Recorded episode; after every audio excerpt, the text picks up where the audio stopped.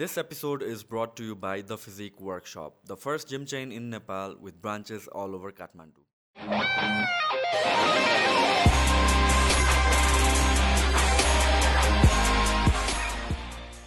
So जुन तपाईँले यो थिङ्किङको कुरा गर्नुभयो जुन एभ्रिथिङ रियलाइज गर्ने पोजिटिभ नेगेटिभ सबैको छ त त्यसमा हामीले पोजिटिभ कसरी लिन्छौँ बेसिकली यो थट प्याटर्न तपाईँको पुग्नुमा चाहिँ के कन्ट्रिब्युसन छ कुनै घटना जब घट्छ राम्रो या नराम्रो? म जहिले पनि एनालाइज गर्छु त्यसलाई समीक्षा गर्छु आफैले कि यो हुनमा मेरो गल्ती के थियो? मैले केही काम गरेँ र त्यसमा केही प्रतिक्रिया आयो केही नराम्रो कुरा आयो भने सबभन्दा पहिला म सेल्फ रियलाइजेसन गर्छु र आफ्नो गल्ती पहिला हेर्छु कि मेरो गल्ती यसमा कति थियो? मैले यसो यस्तो किन गरेँ? यस्तो किन भयो भन्दा? त्यसले गर्दा मलाई आफैलाई हेर्ने जुन इन्ट्रोस्पेक्सन भन्छौँ स्वयंलाई समीक्षा गर्ने मैले डेभलप गर्न थालेँ विशेष गरे बिस्तारै बिस्तारै। जस्तै मेरो डे टु डे लाइफमा म बिरामी हेर्छु केही नराम्रो रिजल्ट आयो भने मैले हेर्नै पर्छ कि के गल्ती भयो भनेर अनि त्यो गल्तीबाट तपाईँले सिक्ने हो। सो यो प्रोफेसनमा पनि आफ्नो फ्यामिली लाइफमा पनि मानौँ मेरो फ्यामिलीमा कसैसँग मेरो वाद विवाद भयो कुनै कुरामा र उसको कुरा मलाई मन परेन र केही उहाँहरूले नराम्रो बोलिदिनु भयो मलाई। सो म रिएक्सन गर्नुको सट्टा सुरुमा रिएक्ट गर्थेँ। मेरो वाइफलाई पनि मैले कतिचोटि रियाक्ट गरेँ कि यस्तो भएन यो राम्रो कमी कमजोरी तिमी यस्तो गर्छौ उस्तो गर्छौ भनेर कुरा आयो। जुन हाम्रो डे टु डे सबैको लाइफमा छ। तर ग्रेजुअली मैले यो पनि बुझ्न थालेँ कि उसको पनि के मजबुरी छ उसको के डिफिसियन्सी छ त्यो डिफिसियन्सीलाई कसले स्वीकार गर्ने हो त? मैले नै स्वीकार गर्ने हो। र मैले स्वीकार गरेपछि उसले मेरो पनि कमी छ कमजोरी छ धेरै कमी कमजोरी छ। र त्यो कमी कमजोरीलाई उसले पनि अन्डरस्ट्यान्ड गर्ने हो उसले पनि कम्प्रोमाइज गर्ने हो। सो यो बोध जब कोही व्यक्तिलाई हुन्छ कि मेरोमा कमी छ र आई मे बी रङ अनि त्यसपछि उसको सोचाइ फरक हुन थाल्छ र उसले के देख्छ भने उसले चाहिँ अरू व्यक्तिलाई आफूभन्दा निम्न देख्दैन फेरि। उसले के देख्छ भने त्यो व्यक्तिमा पनि केही यस्तो गुण छ जुन ममा छैन।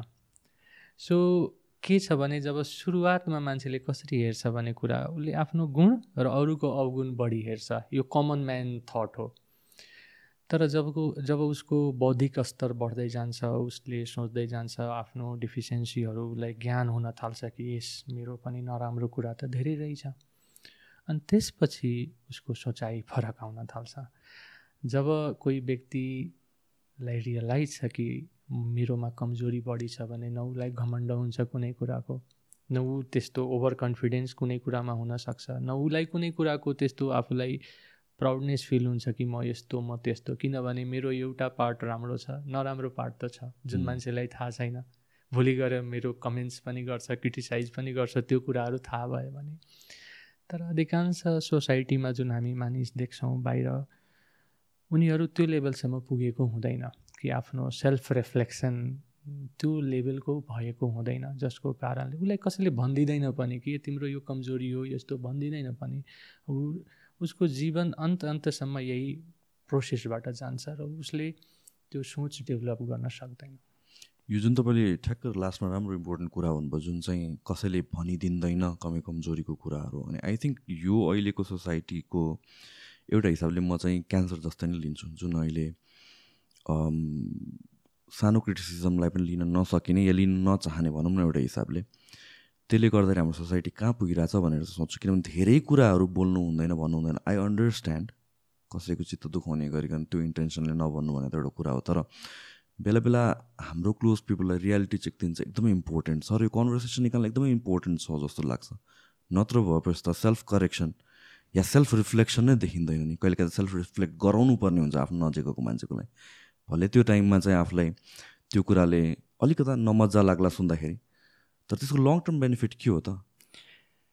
म फेसबुकमा धेरै एक्टिभ हुन्छु। म एकदम मेहनत गरेर केही कुराहरू राख्छु त्यहाँ। पढेर सिकेर बुझेर।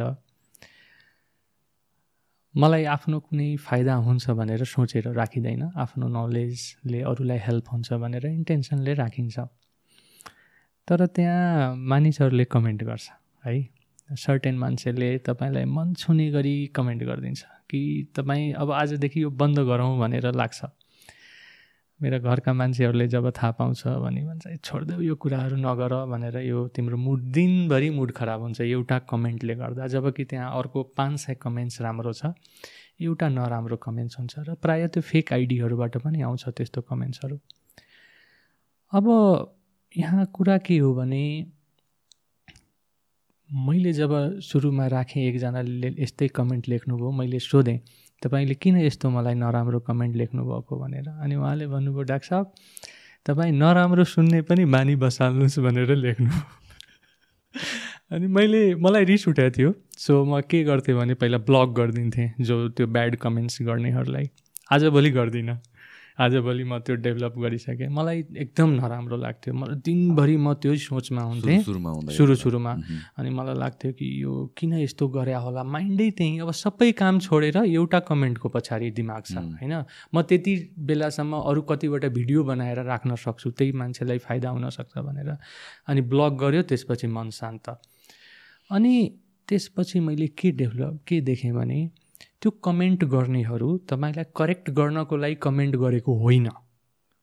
जुन हामीले भन्दैछौँ नि कमेन्ट गरेर तपाईँको कसैको आलोचना गरेर उसलाई फाइदा होस् भनेर तपाईँले गरेको होइन। तपाईँको इन्टेन्सन बिल्कुल तपाईँ आफ्नो रिस पोखेको हो त्यो व्यक्तिको सँग तपाईँको जलन छ या तपाईँ उसको कम्पिटिसनमा ऊ जतिको जानु भएन तपाईँलाई केही कुराले त्यो व्यक्ति मन पर्दैन या तपाईँलाई अरू केही फाइदा र घाटाको कुरा छ त्यसैले तपाईँ उसलाई कमेन्ट गर्नुहुन्छ। यदि कोही व्यक्ति साँच्चीकै तपाईँलाई इम्प्रुभमेन्टको लागि तपाईँको राम्रो होस् भनेर कमेन्ट गर्छ भने उसको शैली फरक हुन्छ उसको एप्रोच फरक हुन्छ तपाईँलाई पोजिटिभ वेले कमेन्ट गर्छ या तपाईँलाई इन्डाइरेक्टली म्यासेज गर्छ कि यार तपाईँ यस्तो गर्नुहोस् डाक्टर साहब हजुर यस्तो गर्नुहोस् या सुशान्तजी हजुर यस्तो गर्नुहोस् भनेर उसले गर्छ। तर त उसको इन्टेन्सन त्यस्तो हुँदैन। यो सोसियल मिडियामा जति पनि कमेन्ट्सहरू हुन्छ यो बायस्ड कमेन्टहरू हुन्छ। केही न केही पछाडि आफ्नो इन्टेन्सन हुन्छ। तर जहाँसम्म फ्यामिलीको कुरा आउँछ जस्तै मैले धेरै पटक भनौँ न घरकै मानिसहरूलाई कमेन्ट गर्छु। डिरेक्टली फेस टु फेस अनि उनीहरूलाई के लाग्छ भने मेरो कुरामा जहिले पनि मलाई कमेन्ट गर्नुहुन्छ मलाई नराम्रो भन्नुहुन्छ मलाई यो भनिदिनु भयो भनेर आउँछ। तर I know I wanted to correct him or her होइन? किनभने मैले नगरेँ भने मैले उसको डिमेरिट्सहरूलाई एक्सपोज गरिनँ भने कसले एक्सपोज गर्छ? तर त्यो व्यक्तिले तपाईँको कुरालाई नेगेटिभली लिएको हुन्छ इमिडिएटली तर लङ टर्ममा यदि तपाईँ वान बाई वान उसको प्रत्येक मिस्टेक्सहरू तपाईँलाई लाग्छ कि मिस्टेक हो भने तपाईँ उसलाई राम्ररी डिसेन्ट वेमा तपाईँ राख्न सक्नुपर्छ। उसको इम्प्रुभमेन्ट त्यसबाट डेफिनेटली हुन्छ। तर not all comments are meant to improve your true especially social मिडियाको कन्टेक्समा कस्तो हुने रहेछ भनेर भनेपछि कति टाइम्स चाहिँ it's more of a self reflection of our self पनि। मेरो दिन खराब भइरहेछ मलाई के कुरामा रिस उठिरहेछ भनेपछि मेरो फ्रस्ट्रेसन कहाँ निकालौँ त भनेपछि कमेन्टमा निकाल्नु रहेछ। किनभने मैले अब कतिजना मान्छेहरू जो चाहिँ केही गरिरहनु भएको छ लाइफमा उहाँको लाइफ बिजी छ या सेल्फ इम्प्रुभमेन्टमा लागिरहनु भएको छ I talked about this topic के अरूकोमा गएर कमेन्ट गर्ने टाइम हुँदैन हेर्नुहोस् कोहीसँग पनि। कसैले अब तपाईँकै फिल्डमा कसैले एक्सेप्सनल काम गऱ्यो भने तपाईँले पोजिटिभली त कङ्ग्रेचुलेट गर्नुहुन्छ। तर हामीसँग यति टाइम हुँदैन कि ऱ्यान्डम मान्छेको भिडियोमा गएर या कन्टेन्टमा गएर क्रिटिसाइज गर्ने होइन? सो कति टाइम्स के भइरहेको हुन्छ भनेपछि just a self reflection of me मलाई के कुरा चित्त बुझिरहेको छैन मेरो लाइफमा के राम्रो भइरहेको छैन या मसँग बेसी टाइम छ फ्रस्ट्रेसन बिल्डअप भएको छ भने त्यो फ्रस्ट्रेसन निकाल्ने एउटा ठाउँ भइरहेको हुन्छ है कमेन्ट सेक्सन भनेको। But at the same time again इन्टेन्सनको कुरा आउँछ इन्टेन्टको कुरा आउँछ र यो जुन इम्प्रुभमेन्टको कुराहरू छ। यो यो दुइटै काइन्ड अफ कन्भर्सेसन मिक्स भइदिन्छ क्या। मान्छेहरूले कतिजनाले छुट्याउनु सकिँदैन क्रिटिकली यसमा एउटा अर्को फ्याक्टर पनि छ जुन म धेरै कमनली देख्छु। प्रत्येक व्यक्तिको एउटा धारणा हुन्छ एउटा सोच हुन्छ। तपाईँले केही स्टेटस लेख्नुभयो केही कुरा बोल्नुभयो। मेरो अलरेडी एउटा प्रि अकुपाइड प्रिफर्मड आइडिया छ यसको बारेमा। म राम्रो नराम्रो यो कुरालाई मेरो सोच के छ म राम्रो भन्छु या नराम्रो भन्छु? अब मैले कुनै कुरा लेखेँ भने आज मेरो छोराले घन्टी बजाइरहेको थियो। है। यदि बाई मिस्टेक त्यो मैले फोटो खिचेर त्यो फेसबुकमा राखेँ र उसको हातमा घन्टी रहेछ भने मान्छेले नाइन्टी पर्सेन्टले के भन्छ ओ डाक्टर साहबको इन्क्लाइनेसन यो घन्टी पार्टीतिर रहेछ भनेर। बुझ्नुभयो नि? पोलिटिक्स आजकल चाहिँ त्यो होइन। मैले भनेको मान्छेको. साइकोलोजी सो के रहेछ भने तपाईँको माइन्डमा प्रिअकुपाइड के छ? तपाईँले प्रत्येक कुरालाई त्यसरी देख्नुहुन्छ। सो त्यो गीत छ नि फुलको आँखामा फुलै। संसार सो एक्ज्याक्टली यसले रिफ्लेक्ट गर्छ कि not your state of mind it is also your state of thinking what you are thinking what is your thought that is reflected so Facebook हेरेर तपाईँ व्यक्तिको माइन्ड रिड गर्न सक्नुहुन्छ। हुँ। त्यो लेख्या हुन्छ what is in your mind so if you scroll down तपाईँ हेर्नुहोस् त्यो व्यक्तिले कस्तो सेयर गरेछ कस्तो लाइक गरेछ के के कुराहरू उसको भिडियो प्रोफाइलमा छ।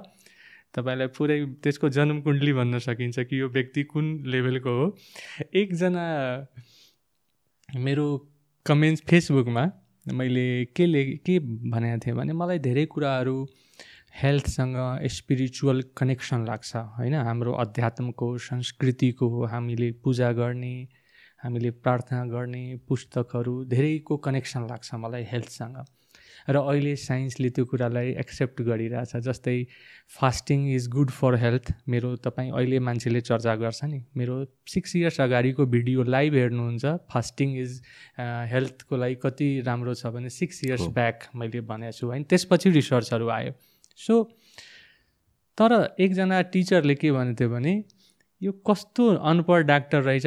भन्छ डाक्टर तर यो कस्तो मान्छे रहेछ? यसलाई त मेडिकलको नाममा कलङ्क हो भनेर यस्तो केही मलाई कमेन्ट गरेको थियो है। भन्नाले कहाँ कहाँबाट डिग्री ल्याएको रहेछ? भनेर। अनि मेरो डिग्री कहाँबाट हो? भने नेपालमा मैले एम्सबाट डिएम कार्डियोलोजी गरेँ जुन नेपालको कुनै पनि डक्टरले एम्सबाट डिएम कार्डियोलोजी गरेको थिएन भने All India Institute of Medical Sciences medical डिग्रीको medical साइन्सको हाइएस्ट डिग्री एचिभ गर्ने नेपालमा मैले नेपालमा ओभरअल म थर्ड थिएँ तर एम्सबाट गर्ने जुन प्रिमियम इन्स्टिच्युट हो साउथ एसियाको एसियाकै भनौँ I was the first one so त्यो व्यक्तिले मलाई च्यालेन्ज गर्यो कि तिम्रो डिग्री कहाँबाट हो कहाँबाट किनेर ल्याएको डिग्री भनेर। बुझ्नुभयो नि? सो उसको प्रि अकुपाइड छ उसले धर्म परिवर्तन गरेको होला हिन्दू धर्म छोडेर अर्को धर्म त्यागेको होला उसलाई रिस उठिरह होला केही कुराले या मेरो कुरा उसलाई मन पर्दैन होला कुनै हिसाबले and then preoccupied mind सेटले उसले चाहिँ मलाई कमेन्ट गर्यो। सो कमेन्ट गर्ने उसले आफ्नो थटलाई त्यहाँ एक्सप्रेस गरिरहेछ तर दुर्भाग्यवश त्यो कुराले हामीलाई डिस्टर्ब गर्छ। हुँ, जतिको हामीले सोच नसोच होइन। वी नो ऱ्यासनली के एफेक्ट गर्नु हुँदैन तर we are all humans affect त गर्छ नै। या तपाईँ केही गल्ती गर्नुभएको छ तपाईँ केही इन्टेन्सनली केही राख्नु भएको छ त्यस्तो कन्टेन्ट जुन कन्ट्रोभर्सियल छ होइन? अनि त्यसमा मान्छेले कमेन्ट गर्यो भने ठिक छ। मेरो यो अलिकति प्रष्ट थिएन मान्छे आफ्नो डिफ्रेन्ट भ्युज चाहिँ राख्यो। तर त्यस्तो कुराहरू राखिदिने यो भनौँ न एउटा यो तत्त्वहरू हुन् माइन्ड सेटहरू जो समाजलाई नकारात्मक बाटोमा लाने हुन्छ। तर त्यसको सङ्ख्या धेरै कम छ आजभोलि।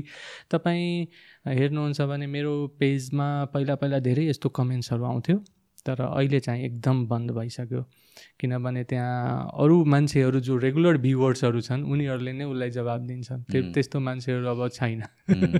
Plus I think over a period of time filter पनि हुँदै जान्छ नि त. हामीले आफ्नो लाइक आफ्नो ट्राइब भेट्छ भनेर भन्छ नि त म यसमा एउटा कुरा राख्न। चाहन्छु है सुशान्तजी। के छ भने मैले लाइफमा के देखेँ भने धेरै तपाईँको आफ्नो एउटा बाटो जान्छ नि लाइफको। तपाईँ पहिला यहाँ हुनुहुन्थ्यो बिस्तारै जानुभयो। हाम्रो यो रेलको यात्रा जस्तो छ हाम्रो जीवन। यसमा कुनै स्टेसन आउँछ कोही मान्छे चढ्छ फेरि फेरि अर्को ओर्लिन्छ फेरि अगाडि जानुहुन्छ। मैले के रियलाइज गरेँ भने लेटर पार्टमा कि जो तपाईँको जीवनमा साँच्चीकै जोडिनु पर्ने व्यक्तिहरू हुन् ऊ जोडिन्छ। अनि जो छुटिनु पर्ने हो ऊ छुटिन्छ। त्यसैले जो छुट्यो उसको लागि चाहिँ बिलाप नगर्ने। I have learn that so मेरो धेरै राम्रो स्टाफहरू हुन्छ कहिलेकाहीँ हाम्रो सेन्टरमा जो छोडेर जान्छ। मलाई लस हुन्छ त्यस्तो स्टाफहरू छोडेर जाँदाखेरि। या कोहीलाई मन पर्दैन केही कारणले अनि I never regret for that किनभने म सिकेँ कि जसलाई छोड्नु छ उसले छोड्छ। उसले एउटा जस्ट टाइम वेट गरिरहेको हुन्छ कि यो टाइममा उसले छोड्ने हो। So it this keeps on happening र लाइक माइन्डेड पिपुलहरू कहीँ न कहीँबाट आएर ठोकिन्छ तपाईँसँग।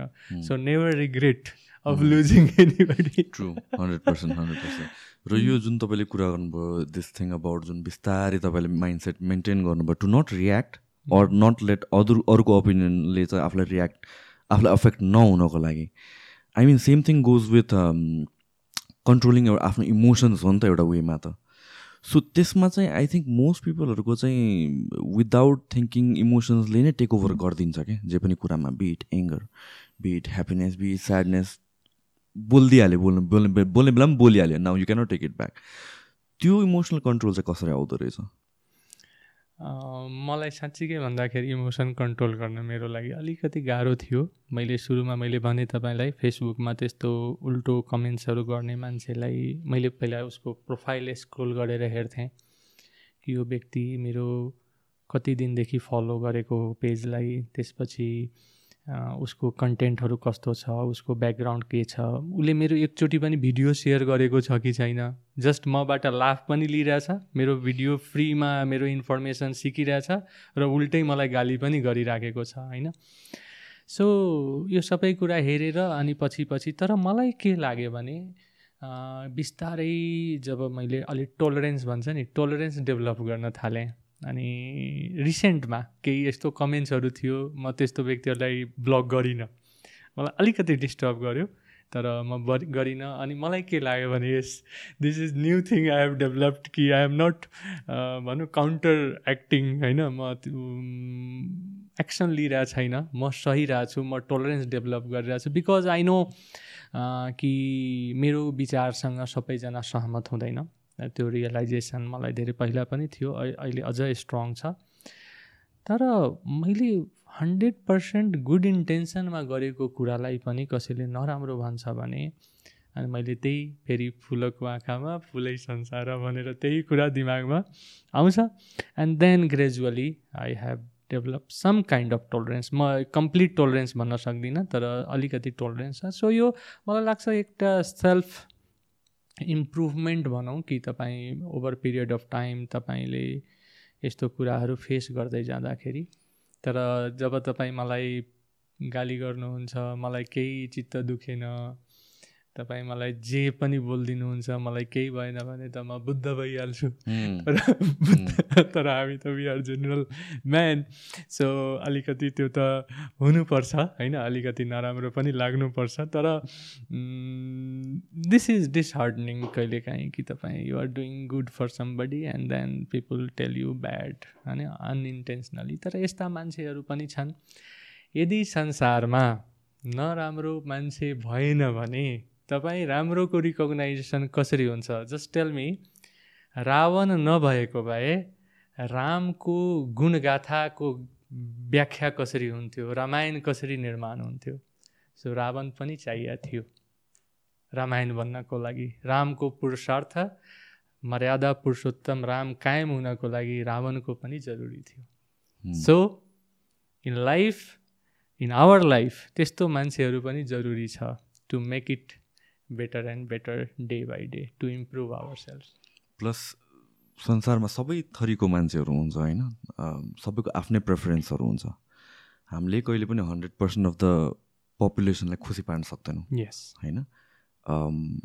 यही अहिले ट्वेन्टी फर्स्ट सेन्चुरीमा साइन्सको डेभलपमेन्ट एभ्रिथिङ हुँदाखेरि पनि अहिले पनि मान्छेहरू छ जसले चाहिँ who believe like earth flat छ भनेर।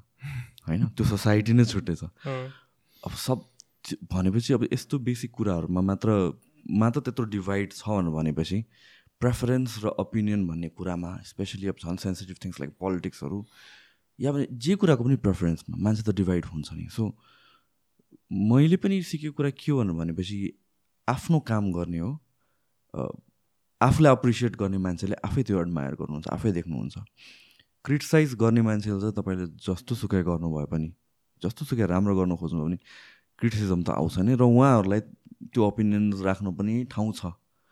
तर हामी भनेको चाहिँ आफ्नो काम गर्नुपर्छ। त्यो हिसाबले चाहिँ। मैले आज एउटा पोस्ट मेरो टु थाउजन्ड एटिनको फेसबुक मेमोरीमा आएको थियो। पाँच वर्ष पहिला है। कि एउटा मूर्खले पनि ज्ञानी मानिसको कमजोरी पत्ता लगाउन सक्छ। र एउटा ज्ञानी मानिसले मात्रै मूर्खको विशेषता पत्ता लगाउन सक्छ। तपाईँ हेर्नुहोस्। You can see fault in everybody बुझ्नुहोस् कि तपाईँको लेभल निम्न लेभलको हो तर जब मूर्खबाट पनि ज्ञानको कुरा पनि तपाईँ सिक्ने यसको लागि तपाईँ विद्वता हुनुपर्छ। सो के रहेछ भने कमेन्ट गर्नुलाई हामीले कसरी हेर्ने? मैले एक दिन हालिदिएको थिएँ फेसबुकमा। कि मूर्खहरूले कमेन्ट गर्छन्। यति धेरै कमेन्ट आयो फेरि। गाली खाएँ धेरै। धेरै गाली खाएँ। कि के अरे विचार धेरै कुरा थियो तर बटम लाइन के थियो म मूर्खले कमेन्ट गर्छन् भनेर धेरै मलाई त्यसपछि मैले धेरै सिकेँ। त्यस्तो पोस्टहरूले धेरै सिकायो कि फेसबुकमा के राख्नुहुन्छ के राख्नुहुन्न। सायद त्यो राम्रो थिएन तर मेरो लागि त्यो राम्रो थियो। किनभने मैले धेरै कुराहरू सिकेँ। अब त्यसपछिको मेरो पोस्टहरू त्यस्तो कन्ट्रोभर्सियल थिएन। Again again it's like self reflection गर्ने. मौका पाएँ नि त त्यो मैले हेरेँ कि मान्छेहरूले धेरैले राम्रो पनि लेख्नु। पर्यो डाक्टर साहब त्यस्तो हुँदैन। सकारात्मक कमेन्ट्स पनि हुन्छ अनि समालोचना भन्छन् होइन। म धेरै वर्डहरू पनि थाहा पाएँ।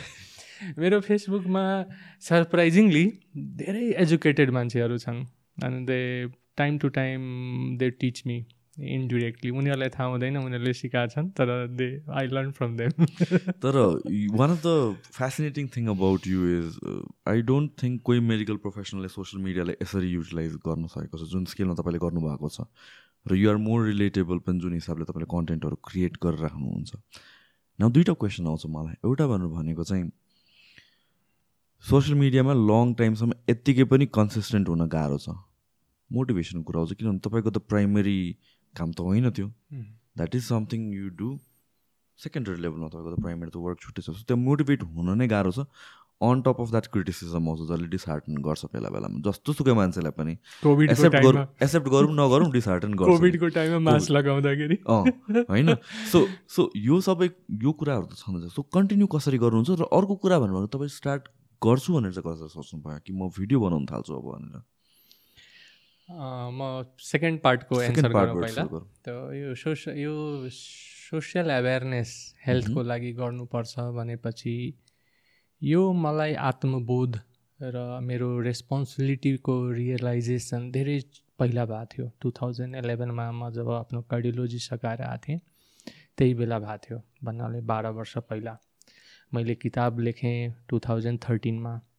त्यो किताब अहिले पनि मान्छेलाई ओल्ड इज गोल्ड जस्तै हो। भन्नाले त्यो बेलादेखि मानिसलाई अहिले के लाग्छ भने फेसबुकमा अहिले यो गरिरहेछ धेरै एक्टिभ छ धेरै बोल्नुहुन्छ धेरै फ्री टाइम छ डाक्टर साहबसँग धेरैले सोध्छन् त्यस्तो ए त्यो डाक्टर मलाई आउँछ कमेन्ट छ फिडब्याकहरू ए त्यो डाक्टर त्यसले खालि फेसबुकमा हुन्छ यो लेख्छ भिडियो बनाउँछ तरकारी के तरकारी पकाउँछ राख्छ। धेरैले भन्छन्। तर सायद म जतिको बिजी डक्टर नेपालमा यु क्यान जस्ट काउन्ट म अहिले टाइम दिएँ भने जति फेसबुकमा टाइम दिन्छु। त्यति मैले फेस पेसेन्ट हेर्नमा टाइम दिएँ भने म लार्ज नम्बर अफ भनौँ न पेसेन्ट हेर्न सक्छु म पैसा कमाउन सक्छु। म बाहिर गएर देश बाहिर देशको विभिन्न ठाउँमा मैले क्लिनिक गरेँ भने म कति पैसा कमाउन सक्छु। तर I don't do that because I know कि म किन यो गरिरहेछु। तर अरू मान्छेलाई थाहा छैन कि यो किन गरिरहेछ। एस्पेसली मेरो आफ्नै फिल्डका सहकर्मीहरूलाई पनि त्यस्तो लाग्छ। कि ओमले किन यस्तो गरिरहेछ। पपुलरिटीको लागि गरे होला। यसलाई पपुलरिटी चाहिएको छ अनि यसको भिडियोहरू यति पपुलर कसरी हुन्छ? हुँ। मलाई एकजना अमेरिकामा बस्ने आइटीको नेपालमा अहिले गर्नुहुन्छ धेरै बिग पर्सन मलाई भेट्न आउनु भएको थियो। Doctor Om you put so simple things तर तपाईँको how people like that how millions भ्युजहरू हुन्छ? धेरैलाई लाग्छ कि म बुस्ट गर्छु मेरो कन्टेन्टलाई तर जसले उनीहरूले मेरो त्यो भिडियोहरू हेरेकै हुँदैन। कम्प्लिट जब एउटा भिडियो कसैले मेरो हेर्छ सुरुदेखि इन्डसम्म उसलाई त्यसमा साइन्टिफिक डेप्थ कति छ त्यसमा रिसेन्ट इन्फर्मेसन कति छ त्यसमा बिरामीलाई फाइदा हुने कुरा कति छ? त्यसमा मेरो वर्षौँको एक्सपिरियन्स कति युज भएको छ? जुन कुरालाई कसैले त्यति सजिलो भाषामा प्रेजेन्ट गर्न सक्दैन जानेको त्यो कुरा सबै डाक्टरलाई थाहा छ। तर how to present in a social social media platform through a video or article that सबैलाई त्यो बुझ्ने गरी त्यो चाहिँ सम्भव छैन अरूको लागि। सो द्याट्स वाइ मेरो पपुलर हुन्छ। सो मेरो के थियो भने यो मैले जानेको कुराहरूलाई मैले जनताको लागि राख्नुपर्छ। किनभने जस्ट तपाईँ इमेजिन गर्नुहोस् कि तपाईँ एउटा भिडियो राखिदिनु भयो कुनै विषयमा होइन? जस्तै बाहिर होटलमा गएर खानु हेल्थको लागि नराम्रो हो भनेर मैले राखिदिएँ। किनभने त्यहाँ फ्याट्स सल्ट यो फास्ट फुड यो हुन्छ भनेर। अब त्यो भिडियो मानौँ कि दस लाख भ्यू भएको छ। त्यसमध्ये टेन पर्सेन्टले त्यो साँच्चीकै राम्ररी पढ के अरे सुन्यो होइन एक लाखजनाले सुन्यो। अब एक लाखजनामा टेन पर्सेन्टलाई गुड मोटिभेसन भयो कि ल साँच्चीकै है यो अलि नराम्रो हो। भन्नाले दस हजारलाई त्यो मोटिभेसन भयो। अब दस हजार व्यक्तिले वर्षभरिमा होटलमा गएर खानेकुरा घटाइदियो। भन्नाले उसको कोलेस्ट्रोल जचाउने फ्रिक्वेन्सी घट्यो कि घटेन उसको कोलेस्ट्रोल नर्मल छ ऊ ढिलो जचाए पनि भयो। त्यो टेस्टमा पैसा खर्च पहिला त उसको होटलमा खर्च कम भयो टेस्ट गर्न कम भयो त्यसपछि डाक्टर कहाँ जानु परेन अरू टेस्टहरू डाक्टर कहाँ गएपछि हुन्छ मुटुको इत्यादि त्यो पनि गर्नु परेन औषधि खानु परेन अनि सबभन्दा ठुलो उसलाई हार्ट एट्याक ब्रेन एट्याक भएन। भन्नाले उसलाई कतिको फाइनेन्सियली कतिको हेल्प भयो? हेल्थ छोडिदिनुहोस् सोसियल आस्पेक्ट छोडिदिनुहोस् इकोनोमिकल कति सेभ भयो? सो यो कुराको रियलाइजेसन जुन डाक्टरलाई हुन्छ उसलाई आफ्नो लागि जब पुगिसक्छ नि उसले अवश्य समाजको लागि गर्न खोज्छ। उसलाई पपुलरिटीको मतलब हुँदैन उसलाई यति मात्र मतलब हुन्छ कि उसको ज्ञानले कतिजनालाई हेल्प भइरहेछ भनेर। र जब तपाईँ आफ्नो स्वार्थभन्दा माथि उठेर जब काम गर्नुहुन्छ अनि तपाईँलाई सक्सेस अन योर फिट तपाईँलाई फेसबुकमा बुस्ट गर्नु पर्दैन। आज कसैले बुस्ट गरेर जति भिडियो भ्युज हुन्छ त्योभन्दा टेन टाइम्स बढी मेरो अर्ग्यानिक भ्युज हुन्छ। कुनै पनि तपाईँ मेडिकल कन्टेन्ट कसैले राखेर हेरोस्। मैले दुई दिन अगाडि एउटा लो बिपी भयो भने कसरी तपाईँ हेल्प गर्ने मान्छेलाई भनेर forty eight आवर्समा almost fifty five thousand likes ten thousand shares अनि अलमोस्ट नाइन ल्याक्स भ्युज भएको छ। It is helpful for people so people will see like and share. So के रहेछ भने त जब तपाईँले हेर्नुहुन्छ कि तपाईँलाई तपाईँको कारणले धेरैलाई बेनिफिट भइरहेछ। धेरै मानिसहरूले तपाईँलाई एप्रिसिएट गर्छ। त्यो मोटिभेसन हो आफैमा। बुझ्नुभयो नि? सो यो कुराले तपाईँलाई पटक पटक त्यो जब तपाईँको एट्याच अलिकति एट्र्याक्सन घट्छ यसले चाहिँ पुस गर्छ। मेरो विषयमा के छ भने मेरो बिरामीहरू विशेष गरेर जो मेरो फेसबुक पनि हेर्छन् उनीहरू जब जचाउन आउँछन् उनीहरूले एउटा यो बोलेकै हुन्छ डाक्टर साहब भिडियो सुड बी कन्टिन्युड। आजभोलि भिडियो कम आउन थालेछ नि डाक्टर साहब किन आजभोलि अलिकति हजुर आउनुहुन्न भनेर भन्छन्? अनि that gives me a constant motivation मेरो आफ्नो सेल्फ रियलाइजेसन सबभन्दा स्ट्रङ फ्याक्टर हो कि मैले टेन मिनट्समा सोचेर केही भिडियो एउटा राखिदिएँ भने त्यसले धेरैलाई हेल्प हुन्छ भने किन नगर्ने त? मैले आफ्नो काम त सबै गरेकै छु। But again as you told consistency is very important to maintain त्यो च्यालेन्जिङ हो। तर म के देख्छु भने केही गरिएन भने त टाइम यत्तिकै जान्छ। So let's do something so तपाईँले चाहिँ आफूलाई चाहिँ कसरी प्रोडक्टिभ भइराखौँ भन्ने काइन्ड अफ चाहिँ यस तर जुन तपाईँको लाइफस्टाइल छ एउटा एउटा डक्टरको स्पेसली कार्डियोलोजिस्टको स्पेसली नेपालमा अझ एउटा पर्सनल टाइम भने त हुँदैन। It's always dedicated to the profession होइन? चाहे फुल टाइम होस् चाहे इमर्जेन्सी होस् whatever it is so त्यस्तो कन्टेक्स्टमा पनि तपाईँलाई कहिले मलाई पनि पर्सनल टाइम चाहिन्छ where I don't do anything kind of त्यस्तो फिलिङ आउँछ कि आउँदैन तपाईँलाई? मेरो सायद नराम्रो बानी एउटा यो हो कि म आफ्नो लागि टाइम नै निकाल्न चाहदिनँ। र धेरै तपाईँ फेसबुकमा हेर्नुहुन्छ कि आफ्नो लागि टाइम निकाल आफ्नो लागि टाइम निकाल एक्लैमा बस एकान्त बसेर सोच। मेरो अधिकांश टाइम आफ्नो बारेमा जाँदैन। म अरूको बारेमा सोचेर बिताउँछु। अधिकांश टाइम मेरो त्यस्तै बिहान उठेदेखि रातिसम्म I keep on thinking about others about people about life so मेरो एउटा त्यो कमजोरी पनि हो। तर मलाई के लाग्छ भने यो जीवनको सबभन्दा बेस्ट युटिलाइजेसन के हो? यो लाइफको बेस्ट युटिलाइजेसन के हो? म हेल्दी भएर बाँचौँ म धेरै कुरा एचिभ गरौँ म सय वर्ष बाँचौँ। त्यो हो। या स्वामी विवेकानन्द जस्तो लाइफ हुनु पऱ्यो थर्टी नाइन इयर्समा उहाँले यति गर्नुभयो। He died at age of thirty nine years अनि त्यतिको काम गरेर उहाँ जानुभयो। सो मलाई लाग्छ कि जब व्यक्ति त्यो लेभलको आफ्नो एउटा अन्डरस्ट्यान्डिङ क्रिएट गर्छ आफ्नो माइन्डमा ऊ दिनरात चाहिँ अरूको लागि काम गर्छ। I feel so so I feel my life is dedicated for others not for myself म साँच्चै भन्दाखेरि I hardly give time for myself एक घन्टा म आफ्नो एक्सर्साइजमा दिन्छु। त्यसपछिको टाइम म कसैलाई दिन्न। इट्स अल फर अदर्स अलिकति फ्यामिलीलाई बिरामी हेर्ने बेलामा बिरामीलाई rest of the time I just keep on thinking thinking about others about people about country about system about society and how I can contribute and how I can change यो सायद कुरा धेरैलाई थाहा छैन किनभने यो मनको कुरा हो भनिँदैन। तपाईँको उसमा मैले यत्तिकै भनिदिएँ मनबाट निस्क्यो। मेरो टाइम चाहिँ अधिकांश यसरी नै बित्छ।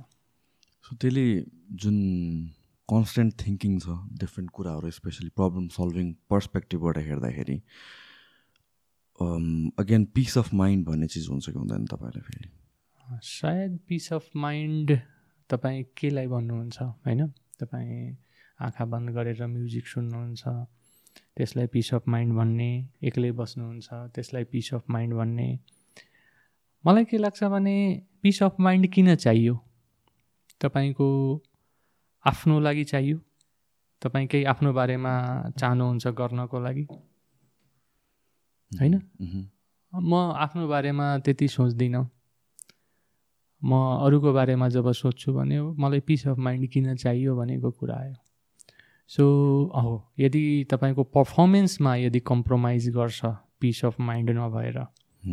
अनि then there is some issue but still I am performing well मेरो काम प्लान अनुसार भइरहेछ भने द्याट्स ओके फर मी म पिस अफ माइन्ड भनेर रिल्याक्स भएर कसैलाई चुरोट खाँदै पिस अफ माइन्ड आउला कसैलाई रक्सी खाएर पिस अफ माइन्ड आउला। म सोचेर मलाई पिस अफ माइन्ड आउँछ। If I think something good ओहो यस्तो गर्दा राम्रो हुन्थ्यो। यस्तो गरेपछि मान्छेलाई धेरै फाइदा हुन्थ्यो। अब तपाईँको उसमा आएपछि मलाई दिमागमा आइरहेछ कि म पनि पोडकास्ट गरौँ कि भनेर होइन? So I will think about it मानौँ न होइन? अनि त्यसले मलाई अर्कै किसिमको एउटा खुसी दियो। म मैले त्यो गरी गरिनँ द्याट्स डिफ्रेन्ट थिङ तर मलाई त्यो ह्याप्पिनेस आयो। सो मलाई लाग्छ त्यही म राति जब सुत्छु सुत्नुभन्दा अगाडि म ड्रिम गर्छु। म सोध्छु दिमागमा विभिन्न कुराहरू आउँछ। त्यसैलाई पिस अफ माइन्ड भन्ने हो कि? होइन। So it's a definition person to person फरक हुनसक्छ तपाईँको तर एउटा कुरा नि पिस अफ माइन्ड तपाईँ एक्लै हुनुहुन्छ तर जरुरी छ तपाईँलाई पिस हुनसक्छ no definitely no yes so म त्यही भन्छु कि when a person is thinking at different level उसलाई आफ्नो बारेमा धेरै जब सोच्ने जरुरी देख्दैन नि त्यही पिस अफ माइन्ड हो जस्तो लाग्छ मलाई। When you think more about yourself about your own benefit तपाईँलाई पिस अफ माइन्ड कहिले पनि हुन सक्दैन। चाहे जु जुन पर्पजको लागि होस्। ठिक छ ध्यानको कुराहरू अर्कै हो। ध्यान गर्ने बस्ने मेडिटेसन गर्नेहरू अर अर्कै कुरा हो। तर नर्मली डे टु डे लाइफमा मलाई लाग्छ कामभन्दा ठुलो कुराहरू केही छैन। Keep on working keep on working always only work work and work त्यसले मलाई लाग्छ कि त्योभन्दा ठुलो कुरा लाइफमा केही छैन। यत्तिकै बस्नु जस्ट वेस्ट अफ टाइम गरेर अनि अरूको बारेमा गफ गरेर यस्तो इन्टरटेनमेन्टको कुराहरू भिडियोहरू हेरेर बसेर टाइम वेस्ट गर्नु आफ्नो यस्तो लाइफलाई तपाईँ मिसयुज गर्नु भनेको मान्छेलाई यति पोटेन्सियल हुन्छ नि। अब यहाँबाट हामी गएर के गर्छौँ त? घर गएर मोबाइल चलाउँछौँ। होइन? त्यो बाहेक अरू के गर्छौँ? सो यदि म यहाँबाट घर गएर केही अर्को काम गरेँ भने अनि त्यसले ल्याउने रिजल्टले त केही गर्छ नि त। सो मेरो टोटली लाइफ त्यसैमा डेडिकेटेड छ I I always think of doing something extra केही गर्न मन लाग्छ मलाई। तपाईँसँग कुरा गर्दाखेरि I feel like you are someone who really appreciates or values the the लाइफको जुन इम्पोर्टेन्स छ एउटा जुन बिङ बोर्न एज ह्युमन्स र जुन लेभल अफ लकी छौँ हामी एउटा हिसाबले यस्तो लाइफ पाउनुमा होइन? कि हामी सोच्न सक्छौँ हामी we can create tools we think about the future and everything so human लाइफको मेन गोल चाहिँ के हो जस्तो लाग्छ तपाईँलाई? Why are we put on this earth यस सबभन्दा फर्स्ट स्टेप के छ भने त्यही सोच्ने आफूलाई त्यो क्वेसन सोध्ने कि why Sushant is here why Om is here why I am born म यहाँ नेपालको यो कुनामा किन बसिरहेको छु त? किन जन्मिएँ? मेरो रोल के हो? एउटा किरा फट्याङ्ग्रा जस्तै अनगिनित छ अरब मान्छेमा म पनि एउटा छु जुन कुनै दिन अस्तित्व खत्तम हुन्छ सक्यो। त्यसरी बन्ने कि केही डिफ्रेन्ट गर्ने। बिकज ह्युमेनको मानिसको दिमाग सबभन्दा ठुलो छ। ब्रेन सेरेब्रम होइन? कति सिपियुहरूको क्यापेसिटी छ स्टोरेज होइन? And you can think imagine गर्न सक्नुहुन्छ। पुरै ब्रह्माण्डलाई कसमोसलाई तपाईँ आफ्नो दिमागमा अटाउन सक्नुहुन्छ। And how you are utilising this हाम्रो अध्यात्मले पनि त्यही भन्छ कि यो मानिसको जुनी धेरै मेहनतले पाउँछ मानिस होइन? तर त्यसलाई तपाईँ कसरी युटिलाइज गरिरहनु भएको छ? रक्सी पार्टी गरेर इन्जोय गरेर के गरेर बिताइरहनु भएको छ? कमेन्ट्स गरेर कसैलाई गाली गरेर देशलाई बर्बाद गरेर कसरी बिताइरहनु भएको छ? गीतामा श्रीकृष्ण भन्नुहुन्छ कि जब एउटा मानिसलाई आफ्नो लागि पुगिसक्यो खानको लागि बस्नको लागि पुगिसक्यो त्यसपछि उसले त्योभन्दा बाहिर हेर्न सक्नुपर्छ। अर्थात् उसले आफ्नो family immediately outside family society motherland the whole universe other animals whole सृष्टिको बारेमा तपाईँले हेर्नु पऱ्यो सोच्नु पऱ्यो गर्नु पऱ्यो जति सकिन्छ भित्रबाट तपाईँले केही कन्ट्रिब्युट गर्नुपर्छ तर मानिसलाई यो कुराको ज्ञात धेरै ठुला ठुला व्यक्तिलाई धेरै पहुँचवाला व्यक्तिलाई पनि यो कुराको ज्ञात हुँदैन लास्टमा ज्ञात हुन्छ at the end of life उसले आफैलाई सोध्छ कि मैले के गरेँ के पाएँ र हातमा कति बच्यो त हातमा बच्यो शून्य। अनि त्यसपछि उसले रियलाइज गर्छ कि I have not done justice with my life अनि ऊ बेमौत मर्छ जुन हामी भन्छौँ नि डाइङ पिसफुली ग्रेसफुली शान्तले म खुसी साथ मर्न पाऊँ भनेर मान्छे मर्न पाउँदैन खुसी साथ। उसलाई आफ्नो सबै कुरा झझलको मेमोरीमा आउँछ सबै कुरा कि मैले के के गलत गरेँ। यो अन्डरस्ट्यान्डिङ एजुकेसनले दिँदैन सरप्राइजिङली यो अन्डरस्ट्यान्डिङ हाम्रो संस्कारले जुन अहिलेको संस्कार छ त्यसले दिँदैन। यो अन्डरस्ट्यान्डिङ धेरै हराइसक्यो। यसलाई के छ भने जो व्यक्तिलाई पुगिसकेका छ उनीहरू झन् समाजलाई शोषण गरिरहेछन्। आजको दिनमा तपाईँ हेर्नुहोस्। तपाईँ हेर्नुहोस् शोषण कसले बढी गरेको छ? पढे लेखेको मान्छेले गरेको छ या अनपढ मान्छेले बढी शोषण गरेको छ? देखिन्छ नि प्रष्ट। पढे लेखेको मान्छेले बौद्धिक मान्छेले बढी शोषण गरेको छ। जबकि बौद्धिक व्यक्तिले समाजको उत्थानको लागि केही गर्नु पऱ्यो केही कन्ट्रिब्युसन दिनु पऱ्यो गीतामा प्रष्टसँग मल्टिपल टाइम्स यो कुरा भनिएको छ। तपाईँ साधारण मानिस र विशिष्ट मानिसमा यही फरक छ।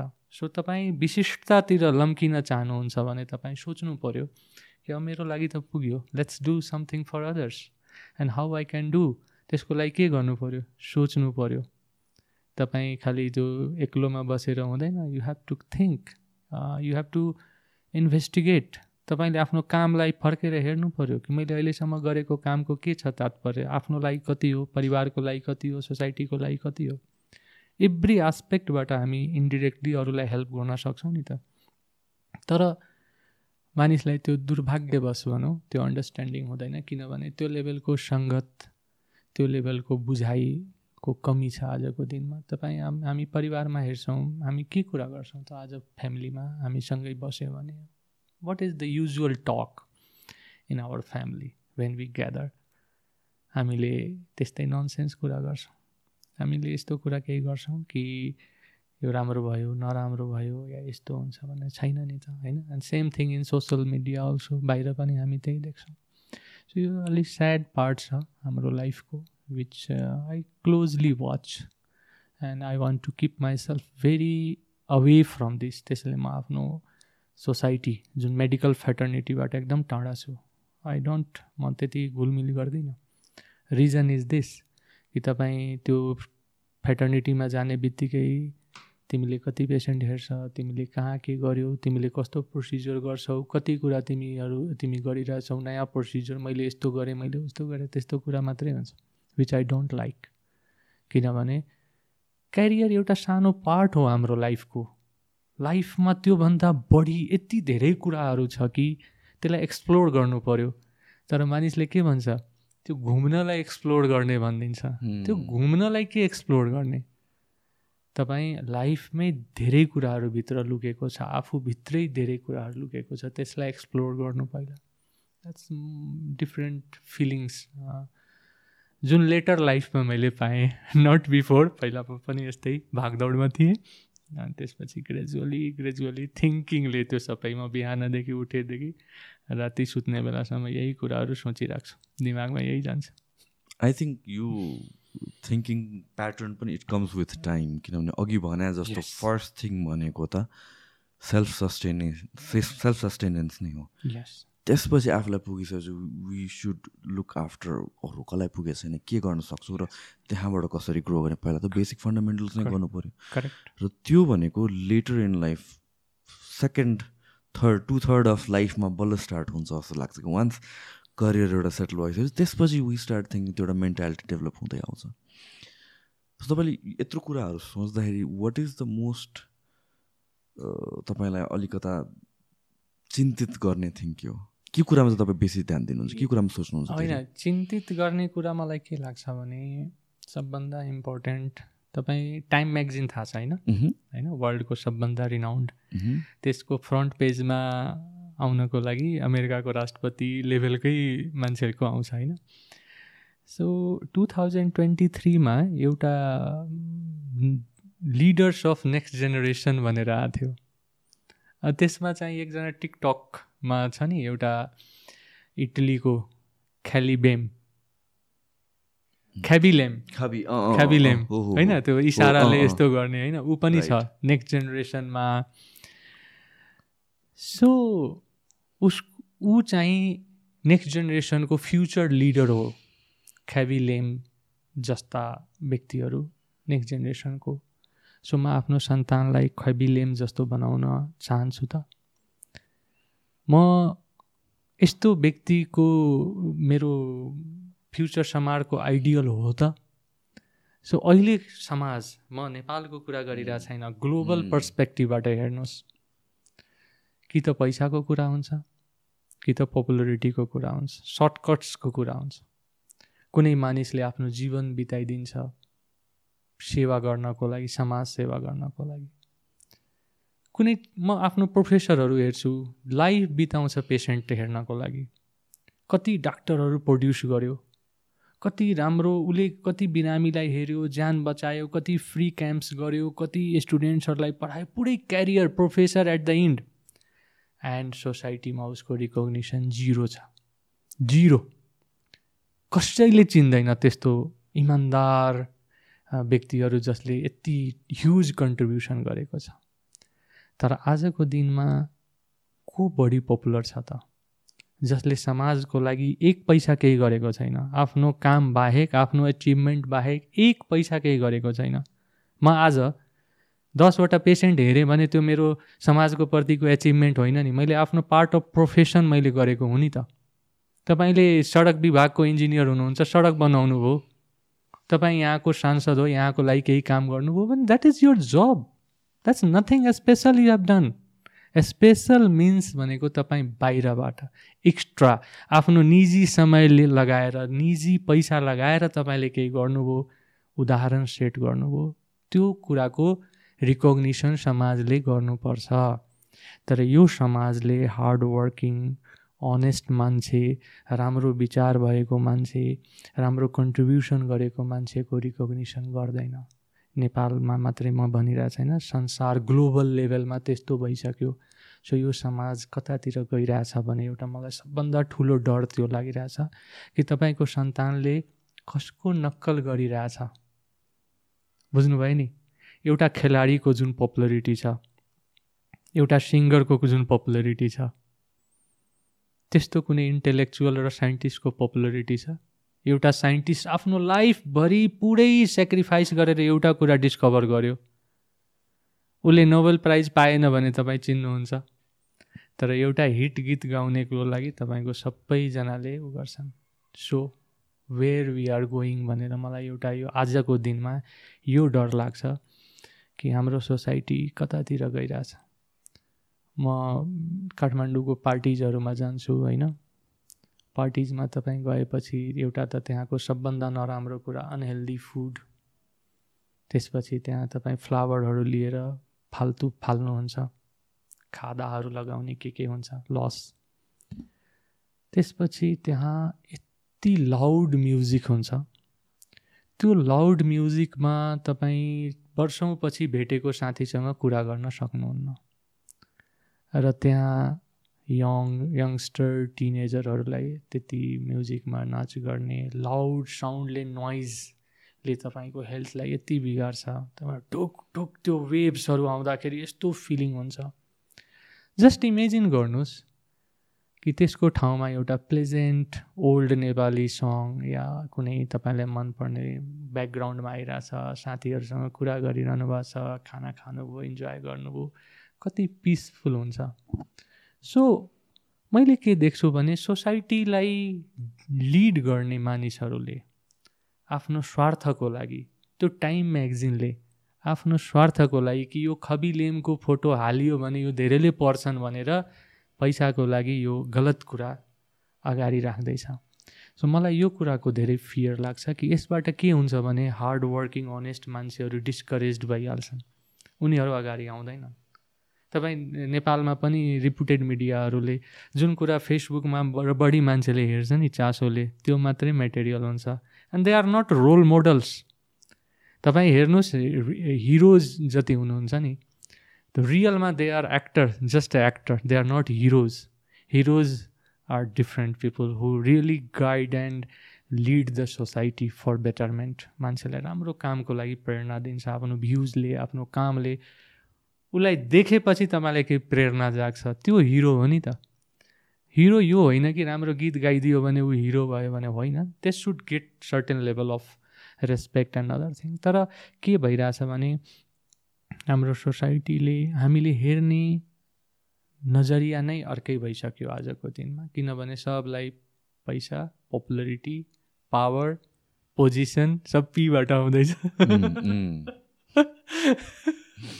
त्यही चाहिएछ सबलाई that's sad part so this is the most भनौँ न मेरो लागि डर लाग्ने कुरा म त्यही देख्छु so those who are leaders they have responsibility to break it किनभने तपाईँ जो आफूलाई लिडर भन्न ठान्नुहुन्छ तपाईँ सर्टकट कम्प्रोमाइज सर्ट टर्म आफ्नो एडभर्टाइजमेन्ट आफ्नो सर्ट टर्म एचिभमेन्ट्सलाई हेर्नु भएन लङ टर्ममा जे राइट छ आफ्नो प्रिन्सिपलले जाने हो कम्प्रोमाइज गर्ने होइन मैले एउटा कुनै यस्तो कन्टेन्ट फेसबुकमा नराखौँ कि जसको टेन मिलियन भ्युज होस् तर मेरो प्रिन्सिपललाई कम्प्रोमाइज गरेर त्यो कुरा आओस्।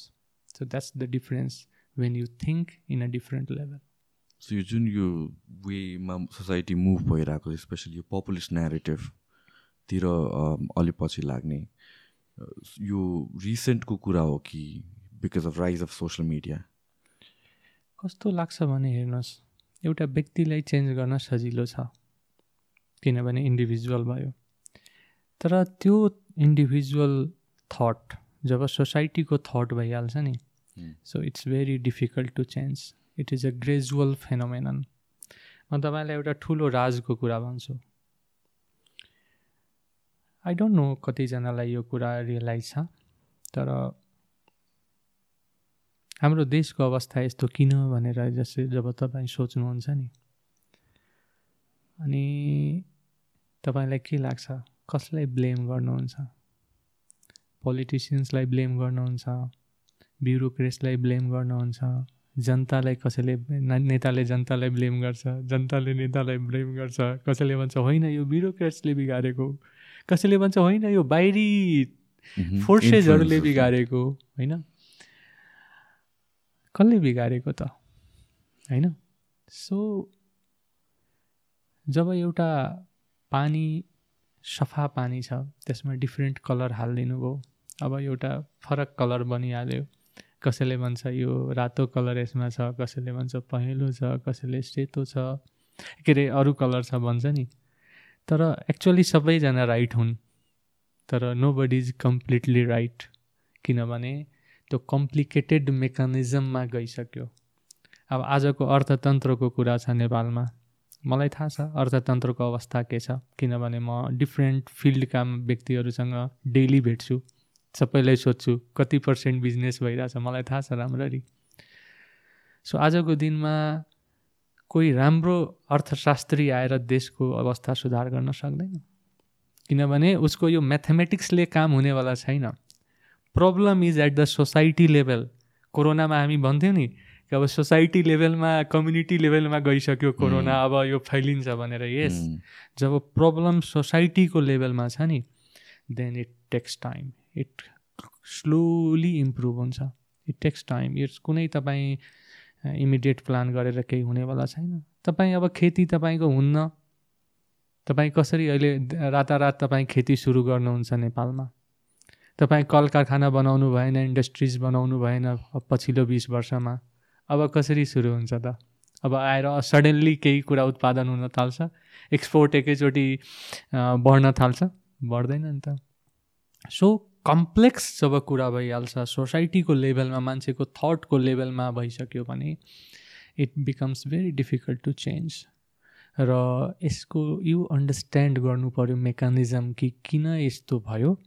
र त्यो जुन गाँठो परेछ नि त्यो गाँठोलाई फुकाल्नु पऱ्यो इट टेक्स टाइम त्यसको लागि सर्टकट्स देखिँदाले हुँदैन। आजको दिनमा मलाई के लाग्छ भने धेरैजना म देख्छु यङ्स्टरहरू उनीहरूलाई लाग्छ कि ओ it's so easy to change the things होइन? अनि यो उनीहरूको लागि एउटा राम्रो कुरा हो। इन्थोजियाजम छ राम्रो गर्नको लागि। एन्ड बट अनि तपाईँ देख्नुहुन्छ तुरुन्तै फेल हुन्छ नि फेरि। क्रिटिसिजम सुरु हुन्छ। किन यस्तो भयो भनेर? प्रब्लम इज तपाईँले एउटा कुरा देख्नुभयो। यहाँ यो प्रब्लम छ। ठिक छ? त्यसको रुट देख्नु भएन कहाँ छ? अनि तपाईँ यो प्रब्लमको लागि एउटा एनर्जी लगाउनु भयो नि। तपाईँ यति मात्रै हाइट छ कुनै कुराको। तपाईँ जम्प गर्न त्यति एनर्जी लगाउनुहुन्न। तर यति हाइट छ भने तपाईँ पुरै एनर्जी लगाउनुहुन्छ नि। And then you become successful अब रुट तपाईँलाई थाहा छैन कहाँसम्म गएको छ। तपाईँ यति पावरले गएर हाम फाल्नुभयो then after reaching there you realise कि यसको त रुट्सहरू त धेरै रहेछ। अब त्यो प्रिपरेसन थिएन। अब प्रिपरेसन थिएन भने तपाईँ यु फेल्ट। सो दुर्भाग्य के छ भने जुन आजको सोसाइटीमा यङ्स्टरमाथि मानिसहरूको ठुलो विश्वास छ नि त आशा छ। विश्वास होइन आशा। यङ्स्टरले गर्ने हो नेपाललाई चलाउने हो बनाउने हो देश। हामी नै हौँ देश बनाउने। यो सबै कुराहरू एकदम राम्रो छ सुन्न एकदम राम्रो लाग्छ। तर रुट्स कति बुझ्नु भएको छ? त्यसको लागि तयारी कति छ? डिफिकल्टीहरूलाई फेस गर्नको लागि तपाईँ कति कति होमवर्क गर्नुभएको छ? तपाईँको त्यो लेभलको अन्डरस्ट्यान्डिङ पुगेको पुगेको छ कि छैन? फेलियर ओन्ली फेलियर त्यसबाट के हुन्छ? फेरि समाज फ्रस्ट्रेटेड हुन्छ। फेरि उसले अर्को आज म यहाँ आउँदा जाम पाएँ। म अर्को बाटो भएर गएँ। सर्टकट्स फास्ट फेरि मलाई लाग्यो यता। फेरि मैले आफ्नो डाइरेक्सन चेन्ज गर्दै गर्दै म almost I landed in the wrong road so म फेरि होइन म युजुअल बाटो भएर जान्छु भनेर। Then I came slightly earlier so point के छ भने मान्छे जब ब्याड डिसिजन लिन्छ नि उसले फेल्युर फेस गर्छ। अनि त्यसपछि उसको ब्याड डिसिजन्सहरू आउन थाल्छ। त्यसले गर्दा समाजलाई झन् भ्रमित बनाउन सक्छ। सो समाजको लेभलमा जब प्रब्लम गएपछि it's very difficult to tackle so अलिकति म्याच्योर्ड मानिसहरू अलिकति निस्वार्थ ढङ्गले यसमा लाग्न जरुरी हुन्छ यसलाई सल्भ गर्नको लागि। आई थिङ्क मैले भन्ने कुरा पनि यो ओभर एन्ड ओभर अगेन मेरो यहाँ कन्भर्सेसन भइरहेको हुन्छ अनि एभ्री कन्भर्सेसन चाहे पनि नचाहे पनि घुमिफिरिकन रुट चाहिँ पोलिटिक्समा पुग्छौँ हामी किनभने चाहिँ इट इज अ रियालिटी जुन अभोइड गर्न सकिँदैन। पोलिटिक्स र पोलिसिजले एउटा सिजन सिटिजनको लाइफ रन गर्छ नै जे पनि कुरामा। सो पोलिटिक्सको कुरा आउँदाखेरि जहिले पनि मलाई मनमा लागेको कुरा इज जुन अहिले recently wave of youth youth youth भनेर आयो इट्स गुड इन्थुजियाजम आउँछ अपडेटेड नलेज आउँछ. But at the same time experience पनि त चाहिन्छ। होइन? र दिस अर द्याट जुन ब्ल्याक एन्ड व्हाइटमा हेर्ने हामीहरूको जुन बानी छ एउटा मेन्टालिटी छ यो राम्रो यो राम्रो छैन भने त्यसको अपोजिट राम्रो होला या यो राम्रो छ भने त्यसको अपोजिट नराम्रो होला। त्यो black and white life black and व्हाइटमा चल्दैन क्या। लाइफ भनेको मिक्समा ग्रेमा चल्छ क्या। भेरी ट्रु र यो पोलिटिक्समा जुन हामीले एउटा ठाउँबाट अर्को ठाउँमा जम्प गर्ने त्यो नभएपछि अर्को ठाउँमा जम्प गर्ने यसरी त हामी जहिले पनि जम्प गरा गरे मात्र हुन्छ। जबसम्म बोथ फोर्सेस कम्बाइन भएर एउटा वेमा आइडियोलोजी मिलाएर अगाडि बढिँदैन तबसम्म यसको सल्युसन आउँदैन र यो तपाईँले भने ठ्याक्कै कुरा हो क्या मैले भने कि यो आजको भोलि सल्भ हुने इस्यु होइन। जुन यो प्रब्लम आएको छ एक वर्षको प्रब्लमलाई आएको होइन यो मान्छेहरूले कतिले भन्छ यो रिसेन्टली डलर सकेर इकोनोमी प्रब्लम आएको या भन्छ कोरोनाबाट आएको होइन? यो धेरै पहिलादेखि बिल्ड भइरहेको त्यतिखेर त त्यसको सिम्टम क्याटलिस्ट मात्र हो यो इभेन्ट्सहरू सो यसको सल्युसन पनि it is going to take some time त्यो पेसेन्स त हुनै पऱ्यो र लङ रन भिजन नभएसम्म this is not going anywhere temporary solution हुन्छ होला पपुलिस्ट के काम गरिन्छ होला वा वा एक्सनको लागि पाउँछ तर सोसाइटीको प्रब्लम त्यसले सल्भ हुँदैन। टाइम लाग्छ। हो।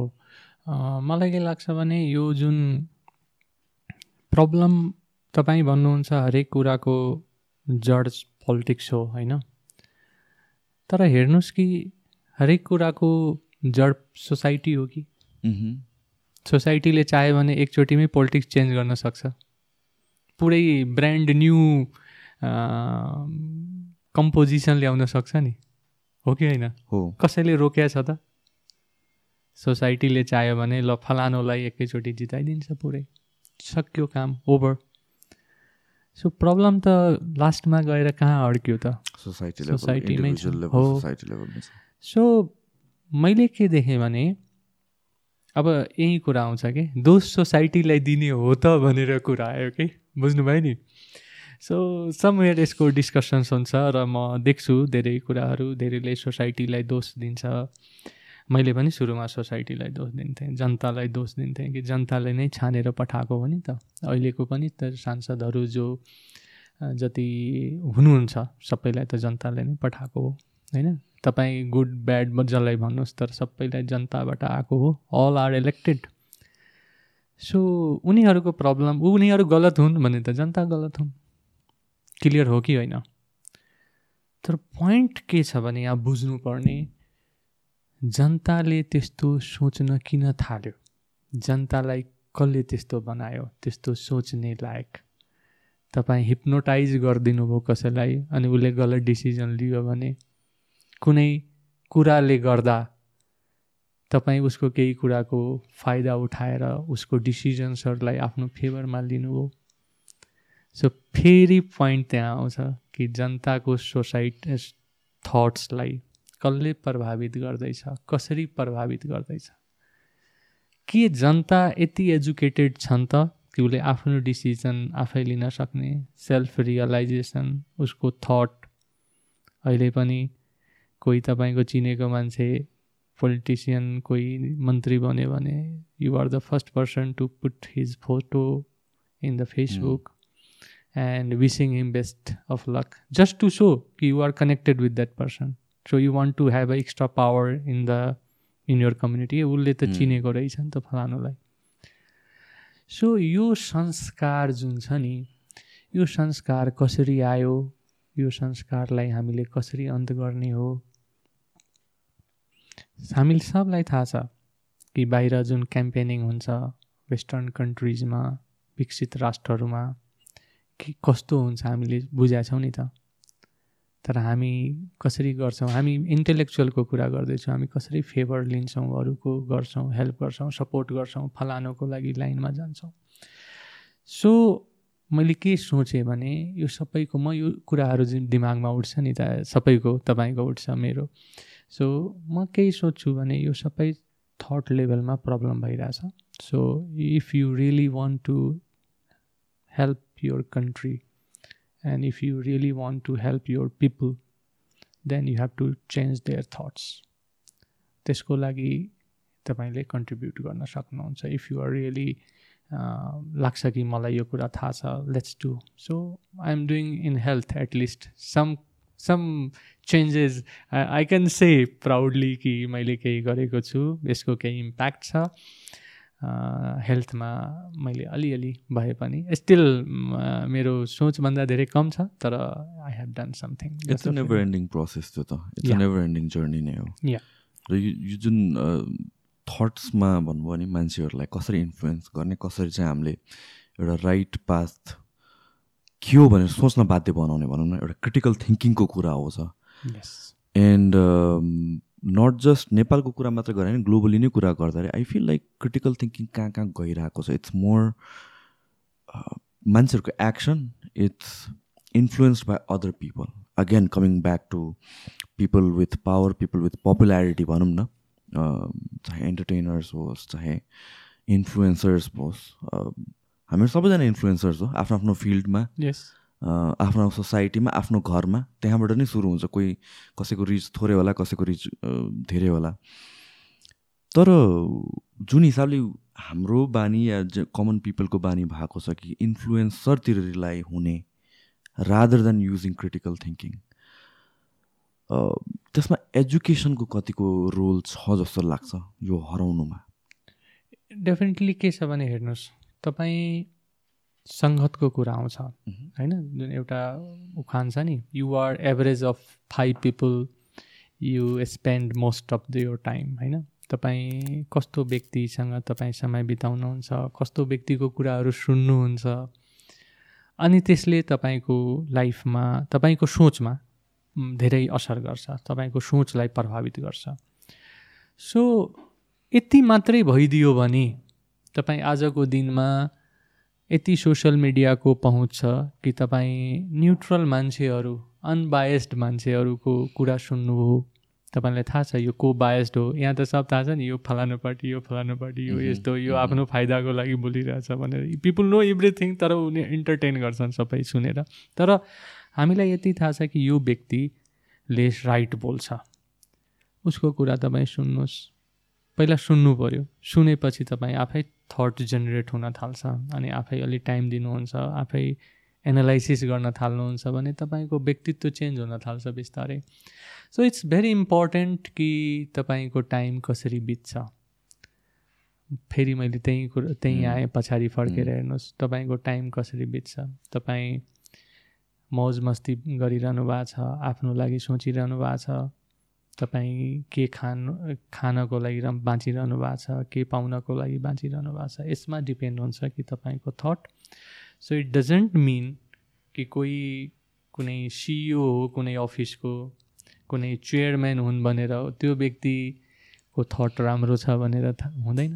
बेसी हामीलाई मान्छेलाई हेर्ने नजर नै फरक हुन्छ। यदि तपाईँ आफ्नो आफूलाई हेर्ने इन्ट्रोस्पेक्सन यदि हुन थाल्यो भने तपाईँ you see from very different angle अनि तपाईँलाई प्रभावित गर्दैन कोही मान्छे यति पैसावाला छ यति पहुँचवाला छ यति उसँग लोकप्रियता छ भने it hardly matters anything for you किनभने तपाईँ बुझ्नुहुन्छ कि भित्रको क्यारेक्टर के छ भनेपछि देन डजन्ट म्याटर सो लाइफमा it's very important to listen good things राम्रो कुरा हेर्नुहोस् राम्रो सुन्नुहोस् पोजिटिभ कुराहरूलाई इम्प्लिमेन्ट गर्नुहोस्।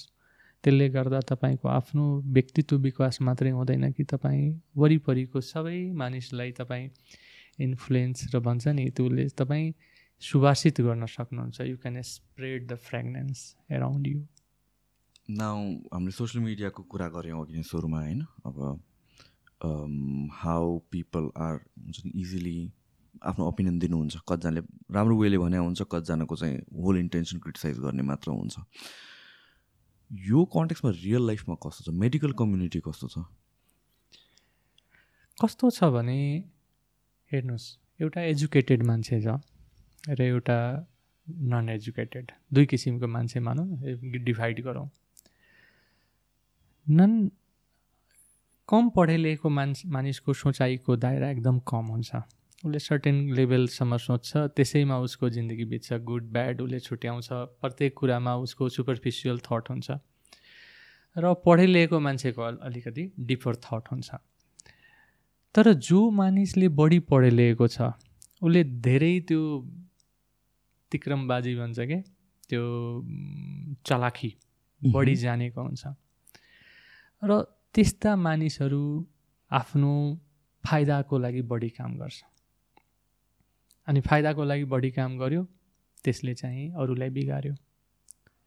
र जो व्यक्ति कम पढे लेखेको छ उसले पनि आफ्नो फाइदामा हेर्छ तर उसले हेर्ने फाइदा चाहिँ थोरै हुन्छ। उसले धेरै बिगार्दैन। उसले धेरै बनाउँदैन पनि धेरै बिगार्दैन पनि। पढे लेखेको मान्छेले धेरै बिगार्छ र धेरै बनाउन सक्छ। सो समाजको लागि यो जुन पढे लेखेको मानिस छ नि त्यो धेरै इम्पोर्टेन्ट हो। त्यसले चाह्यो भने समाजलाई कहाँबाट कहाँ लगिदिन्छ। सो यही प्रब्लम छ कि जो मान्छे पढे लेखेर ज्ञान हासिल गर्यो। तपाईँ त्यो ज्ञा ज्ञानलाई के को लागि युटिलाइज गर्नुभयो त?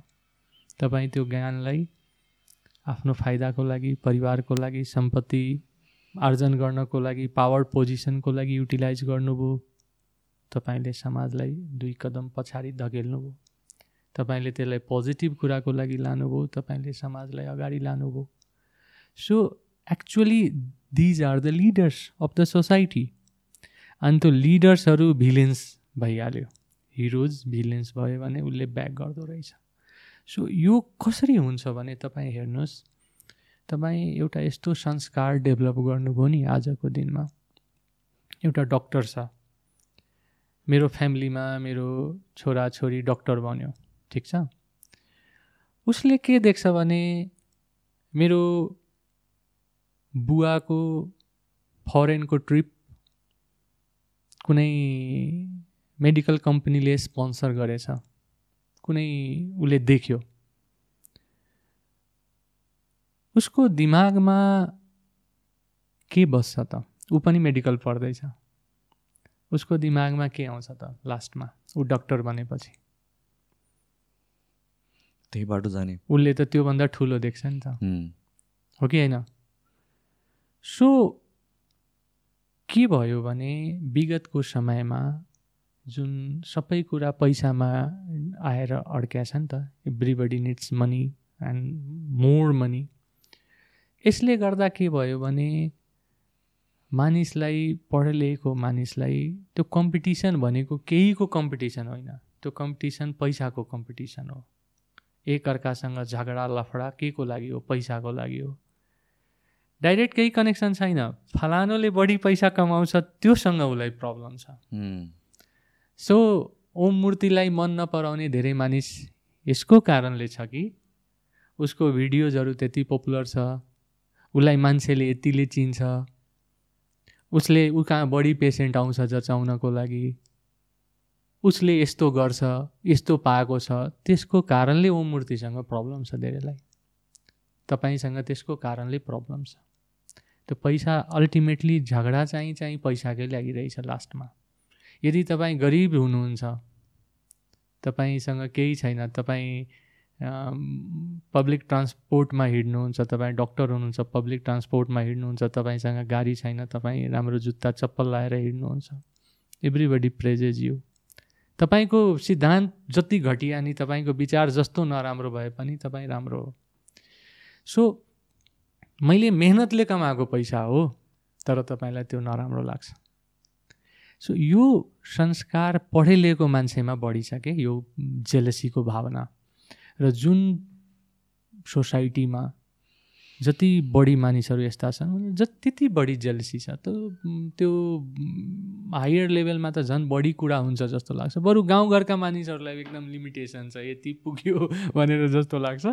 तर एजुकेटेड मानिसमा अलिक बढी कम्प्लेक्सिटी र प्रब्लम हो जस्तो मलाई लाग्छ त्यस्तो। Do you think it's money मात्र हो कि इट्स पपुलारिटीको कारणले हो? मनी फर्स्ट कुरा हो।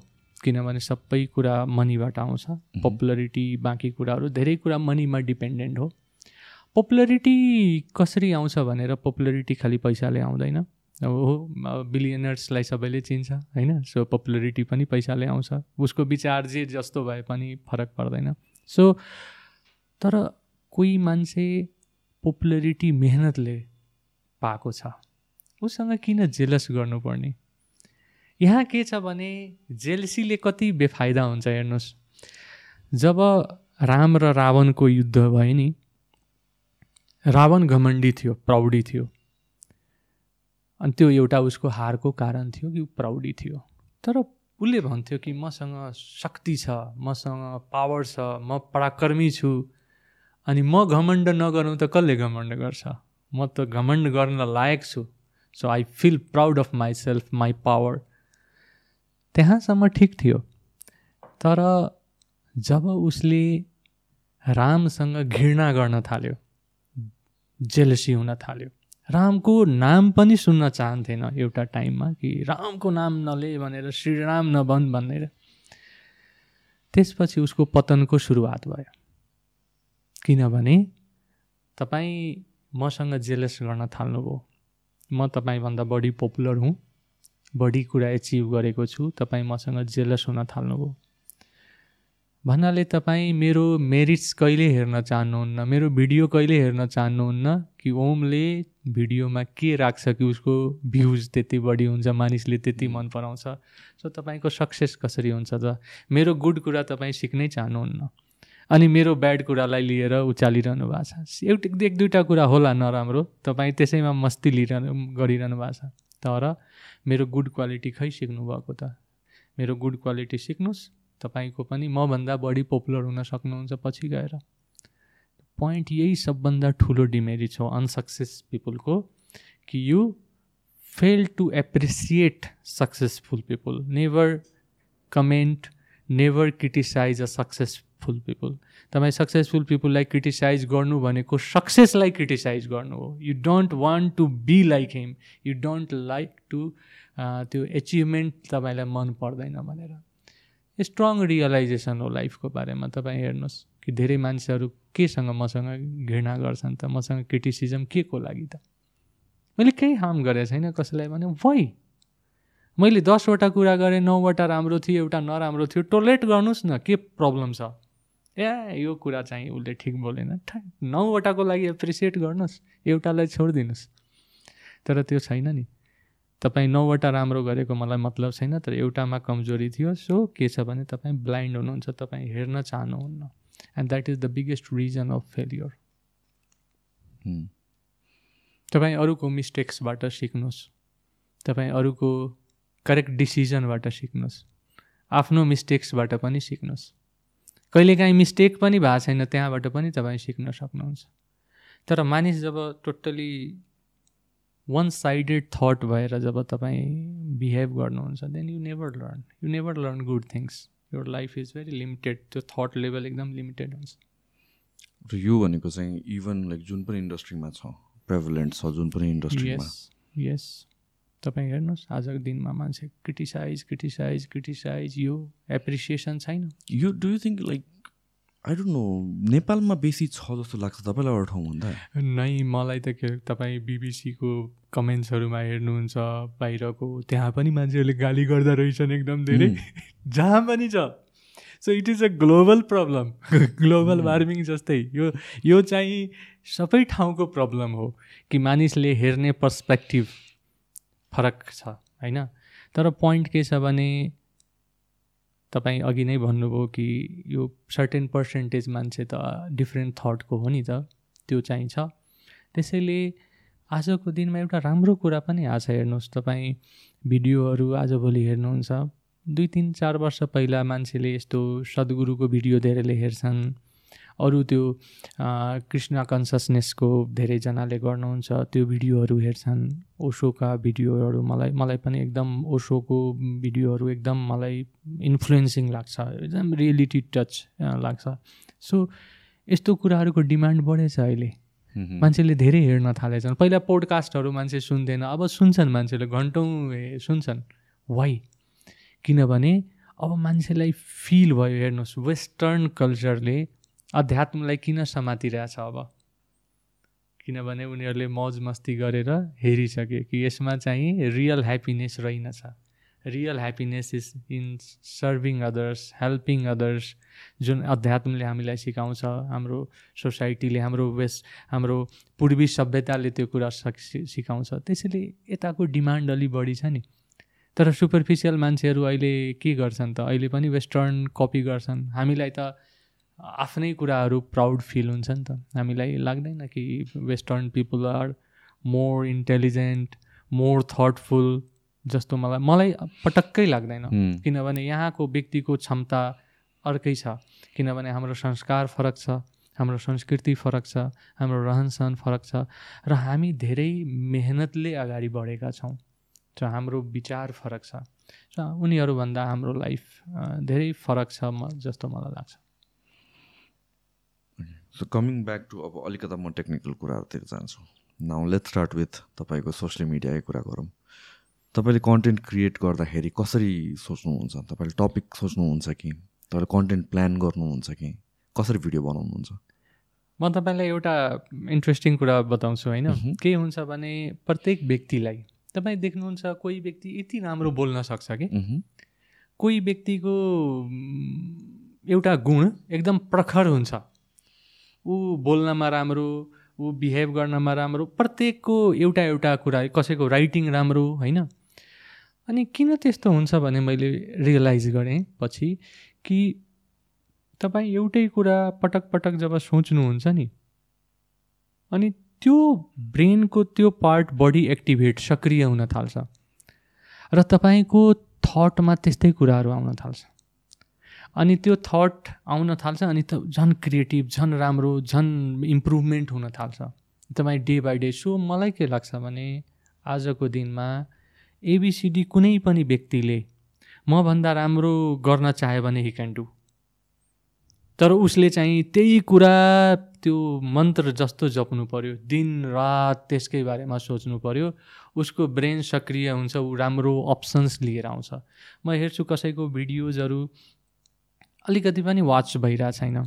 पाँच सय भ्यू दुई सय भ्यू हजार भ्यू पनि हुँदैन। अब उसको भ्यूहरू धेरै बढी। पचास हजार एक लाख दुई लाख पनि भएको देख्छु। सरप्राइज फ्यु मन्थ्समा ए कसरी यस्तो भयो भनेपछि त्यो व्यक्तिले आफ्नो तर्फबाट पुरै मेहनत गरेर त्यसैमा होमवर्क गर्दै गर्दै जाँदाखेरि उसको दिमाग अलि विकसित भयो र उसले बेटर कन्टेन्टहरू लिएर आयो। सो मैले त्यो कुरा आफ्नो केसमा एकदम रियलाइज गरेँ कि जब म रेगुलर कन्टेन्ट हाल्छु नि राम्रो राम्रो टपिक्सहरू आउँछ दिमागमा। अनि म त्यो खुब लाइक्स हुन थाल्छ खुब मान्छेलाई मन पर्न थाल्छ। अनि जब म केही दिन फेसबुकबाट डिट्याच हुन्छु अनि फेरि त्यो घट्छ त्यो। अनि सो मैले के देखेँ भने मै म प्रायः के गर्छु म बिरामी हेर्छु धेरै पेसेन्ट हेर्छु पर डे र विभिन्न किसिमको समस्याहरू मैले फेस गर्छु। बिरामीलाई अनि उसको इन्फर्मेसनको कमीको कारणले प्रब्लम भएको देख्छु। त्यसले मलाई हिट गर्छ। जस्तै मैले लास्ट एउटा भिडियो हालेँ लो ब्लड प्रेसरको त्यो पनि पेसेन्टको प्रब्लम हो। बिस्कुट खाने त्योभन्दा अगाडिको त्यो पनि पे पेसेन्टको प्रब्लम हो। सो म जुन अब्जर्भ गर्छु आफ्नो लाइफमा सोसाइटीमा कुराहरू हेर्छु जुन पेसेन्टसँग इन्ट्रेक्ट गरेर हेर्छु फेरि त्यो कमेन्ट्समै मान्छेले धेरै कुराहरू लेख्छन्। जुन मलाई लाग्छ and then based on that म कन्टेन्ट डिसाइड गर्छु कि के गर्दाखेरि राम्रो हुन्छ। तर त्यो कन्टेन्ट बनाउन मलाई टाइम लाग्दैन। इट्स भेरी रेडिमेड जस्तै छ मेरो लागि। Any टपिकमा I can speak fluently for five ten minutes तर मलाई के लाग्छ भने कसरी त्यो प्रेजेन्ट गर्ने कि मानिसलाई त्यो इन्ट्रेस्टिङ पनि लागोस् उसलाई केही नयाँ जानकारी होस् केही डाटाहरू त्यसमा छ भने होस्। त्यसको लागि मैले अलिकति होमवर्क गर्नुपर्छ। And then I simply record गरेर अनि हाल्छु प्रायः। सो रियल लाइफ एक्सपिरियन्सेसबाट तपाईँ अझ त्यो अलमोस्ट अलमोस्ट तर मलाई मेडिकलभन्दा नन मेडिकल कुरा राख्न बढी मन लाग्छ। तर म राख्न चाहदिनँ त्यो म राख्न पाउँदिनँ भनौँ न। मेरो कन्सियस माइन्डले त्यसलाई रोक्छ। तर मलाई एकदम फिल हुन्छ कि मलाई मनमा लागेको कुरा जसरी मैले फ्रिली कुरा गरिरहेको छु नि so I am enjoying this होइन? सो लाइफमा मान्छेले के सिकाउँछ तपाईँलाई? विशेष गरेर शाहरुख खानको मुभीहरूमा कि तिमीलाई आमिर खानको मुभीहरूमा तिमीलाई जे कुरा मन लाग्छ त्यो गर होइन? भन्छ नि। तर रियल लाइफमा त्यो छैन। त्यो तपाईँलाई जे कुरा मन लाग्यो त्यो गर्न थाल्नुभयो भने समस्या हुन्छ फेरि होइन? So I feel like talking on different aspects of life different aspects of society different problems एउटा व्यक्तिलाई के लाग्छ भने यो डाक्टर हो यसलाई डाक्टरी कुरा मात्रै आउँछ। इज अ टेक्निकल पर्सन यसलाई केही थाहा हुँदैन। यो खालि बिरामीलाई ठिक गर्ने काम गर्ने मान्छे हो। डाक्टरको बारेमा या इन्जिनियरको बारेमा मान्छेलाई या हिरोजको एक्टर्सहरूको बारेमा उसलाई यति मात्रै थट हुन्छ। तर के छ भने जुन समाजमा यस्ता व्यक्तिहरू झन् राम्ररी बुझेको हुन्छ समाजको सिचुएसनलाई म कहाँ त विभिन्न पेसाका व्यक्ति आउँछ नि त। अनि म समाजको यस्तो यस्तो कुराहरू म देख्छु जुन तपाईँले बाहिरबाट देख्नुहुन्न नि त। एउटा छोराले बुवालाई आमालाई लिएर आउँदाखेरि उसले कस्तो बिहेभ गर्छ इन्भेस्टिगेसन गर्नमा कति पैसा लाग्छ कति इन्ट्रेस्ट देखाउँछ मलाई राम्ररी थाहा छ।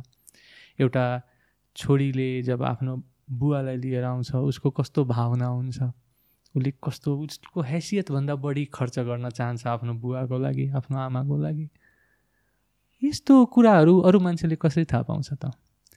अनि पोलिटिसियन्सहरू आउँछन् ब्युरोक्रेट्सहरू आउँछन् अरू समाजका मानिसहरू आउँछन् ठेकेदारहरू आउँछन् डिफ्रेन्ट बिजनेसम्यानहरू आउँछन्। अनि तपाईँ डिफ्रेन्ट आस्पेक्ट्स हेर्न पाउनुहुन्छ एनालाइज गर्नुहुन्छ मान्छेको दिमागमा के चलिरहेछ बुझ्न सक्नुहुन्छ। You get opportunity to know so many things होइन? हुन त यो धेरै पेसामा होला यो कुरा तर आई फिल लाइक केही मनले गरौँ बोलौँ भनेर तर त्यो एउटा अनुशासनको सीमा जुन निर्धारित छ त्यसले चाहिँ रोक्दो रहेछ। लेट्स होप कुनै दिन गर्न पाऊँ। अर्को प्लेटफर्म गर्ने भनेर तपाईँले सोच्नु भएको छ कि छैन त्यसको लागि स्पेसिफिकली नट नाउ तर मलाई एउटा सो गर्न मन लागेछ कि जुन सोमा म समाजका प्रोमिनेन्ट मानिसहरूलाई यस्तो यस्तो क्वेसनहरू सोधौँ। कि त्यो क्वेसनहरू उसले लाइफमा अहिलेसम्म आफूसँग सोधेको छैन। त्यस्तो क्वेसनहरू सोधौँ। त्यो एन्सरहरू जनताले हन्ड्रेड पर्सेन्ट ट्रुथ प्राय बाहिर आएपछि मानिसले फल्स कुराहरू भनेर जान्छ नि गफ। तर मेरो सामनेमा कसैले गफ दिन सक्दैन। I know I know the truth I can read mind of people so म बिना ब्याकग्राउन्डको पनि बुझ्न सक्छु मान्छेलाई। सो आई फिल समडे त्यो मलाई गर्न मन लाग्छ। तर अल्टिमेटली यही हो इन्ट्रेस्ट कि त्यो कुराले समाजलाई कति फाइदा गर्छ। मानिसलाई थट्स चेन्ज गर्न यो कुरा तपाईँको मलाई धेरै मनपर्छ कि यो यो जुन फर्मेट छ नि यो फर्मेटले यदि साँच्चीकै कोही मान्छेले सुन्यो बुझ्यो डिफ्रेन्ट टाइपको फिल्डबाट आएका मान्छेहरूको थट्सहरू थट्सको कुरा भइरहेछ नि त। इट्स नट एबाउट यो कुरा त्यो कुरा होइन? सो यसले चाहिँ मानिसलाई धेरै थट्स प्रोभोकिङ उसले सोच्छ उसले। सो मलाई त्यस्तो लाग्छ कि त्यो कुराहरूले कस्तो इम्प्याक्ट गर्न सक्छ मानिसलाई? र विशेष गरेर के रहेछ भने यङ्स्टरको थट त्यसलाई सही डिरेक्सन दिन जरुरी छ। तपाईँ आज हेर्नुहुन्छ कि कोही काठमाडौँमा कोही फ्यामिली छ उसको बच्चा टेन्थ पास गर्यो इलेभेन टुवेल्थ। अब के छ plan? Plan is to go outside होइन? बाहिर क्यारियरको लागि। उसको प्यारेन्ट्स धेरै very they are very happy to send them. अब भन्नुहोस् कि कसरी चल्छ त? होइन? सो यसरी यदि भइरहेछ भने तपाईँ कसरी सोसाइटीलाई कन्ट्रीलाई हामी कसरी उभो लगाउँछौँ? जस्ट इमेजिन गरौँ कि सबैजनाको छोराछोरी विदेश गएर राम्रो क्यारियरको लागि सबै कुरा गरियो भने देशमा भन्नुहुन्छ कि देशमा राम्रो ऊ छैन? के अरे अपर्च्युनिटी छैन क्यारियर छैन हामी पनि त यहीँ बसेर क्यारियर बनाएको हो नि त। तपाईँ पनि यहीँ बसेर क्यारियर बनाउनु भयो हो। यदि सबैजनाले यस्तै सोच्न थाल्यो भने कसरी चल्छ त? सो मलाई के लाग्छ भने यतातिर केही काम हुनुपर्छ। हामी पोलिटिकल कुरा बिस्तारै इम्प्रुभ हुँदै जाला। त्यो त रुल अफ नेचर नै हो। इम्प्रुभमेन्ट हुन्छ कन्फर्म हुन्छ। र अब त्यो अझ चाँडो हुन्छ जस्तो लाग्छ मलाई। तर यसलाई चाहिँ केही न केही गर्नुपर्छ रोक्नुपर्छ मानिसको थट लेभलमा केही गर्नु पऱ्यो कि होइन? लाइफ भनेको नट ओन्ली क्यारियर भनेको मात्रै लाइफ होइन। There are many many vast छ यो क्यारियर भनेको। म यो किन आज भन्न सकेँ भन्दाखेरि म पनि एउटा एक्सेलेन्स क्यारियरको हिसाबले one of the highest position मैले एचिभ गरेको मान्छे हुँ।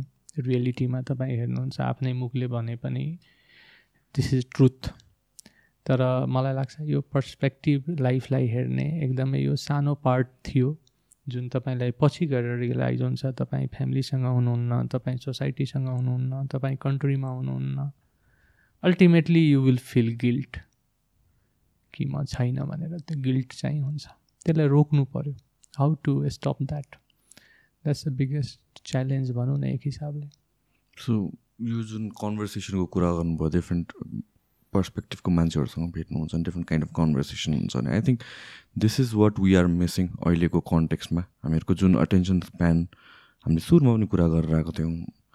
लाइक कन्टेन्ट वाइज पनि हामीले अब टिकटकको एरामा आइसक्यौँ होइन? अब बुक्स पढ्ने भन्ने एकदमै कम भइसक्यो। हामीलाई जे पनि कुरा नलेज पहिला बुक्स पढेर कुनै टपिकमा पन्ध्र सत्र घन्टा इन् इन्भेस्ट गरेर हामी केही सिक्थ्यौँ भनेपछि अब हामीलाई त्यही इन्फर्मेसन तिस सेकेन्डमा चाहिएको छ। एन्ड अफकोर्स त्यो कम्पेयर त गर्नै मिल्दैन। सेम थिङ पनि मलाई के पनि लाग्छ भने विथ कन्भर्सेसन के? कन्भर्सेसन भनेको एउटा लस्ट स्किल हुँदैछ जस्तो लाग्छ मलाई। स्पेसली यङ्गर जेनेरेसनमा सोसियलाइज गर्न सक्दैन। कम्युनिकेसन भनेको बिस्तारै एकदमै घट्दछ। घरमा बसे भिडियो गेम्स टिभी युट्युब त्यो मात्र भएको छ। पहिला जुन हाम्रो जमानामा एउटा एउटा ग्राउन्ड हुन्थ्यो फुटबल खेलिन्थ्यो क्रिकेट खेलिन्थ्यो अरू वाट एभर जे पनि खेलिन्थ्यो अरू मान्छेहरूसँग मिक्स भइन्थ्यो। अफकोर्स टाइम अनुसारले चेन्ज हुन्छ होला तर त्यो सँगैसँगै जुन कम्युनिकेसन भन्ने स्किल छ त्यो त स्किल नै हो। जति गऱ्यो त्यति डेभलप हुँदै जाने त्यो हराउँदै जान छ कि? अनि यो जुन जुन यो इस्युजहरू आउँछ जुन कम्युनिकेसन नै भइरहेको छैन कि वेआर जस्ट बिजी एक अर्काको कुरालाई चाहिँ क्रिटिसाइज गर्नलाई मात्र rather than coming in between having this conversation दुइटा यो कन्टेक्स्टमा नि दुइटा आस्पेक्ट छ हेर्नुहोस्। एउटा प्र्याक्टिकल आस्पेक्ट छ र एउटा इमोसनल आस्पेक्ट छ। प्र्याक्टिकल आस्पेक्ट भनेको तपाईँ प्रत्येक कुरालाई कन्सियस माइन्डले एनालाइज गर्नुहुन्छ कि यो राइट हो यो रङ हो यो गर्नुहुन्छ यो गर्नुहुन्न। एजुकेटेड मान्छेले प्रायः यस्तो गर्छ।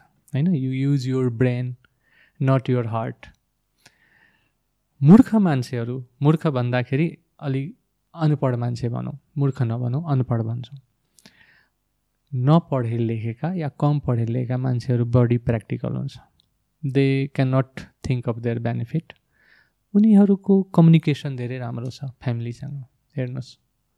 मूर्ख सरी मूर्ख नभनौँ नपढे लेखेका मानिसहरूले आफ्नो परिवारसँग बढी टाइम बिताउँछन् कुरा गर्छन् एकअर्कासँग। त्यो ननसेन्स कुरा होस् तर they are very much connected they are emotionally connected पढे लेखेका मान्छेहरूलाई धेरै कुरा गर्नु छ मोबाइल पनि हेर्नु छ यो पनि हेर्नु छ यो पनि गर्नु छ and they are not connected so के देखियो भने रिसेन्ट टाइममा हाम्रो एजुकेसन सबै कुरा क्यारियरले हामीलाई मोर प्र्याक्टिकल लेस इमोसनल बनायो। र यो भनेको झन् ठुलो प्रब्लमको रूपमा मलाई लागिरहेछ।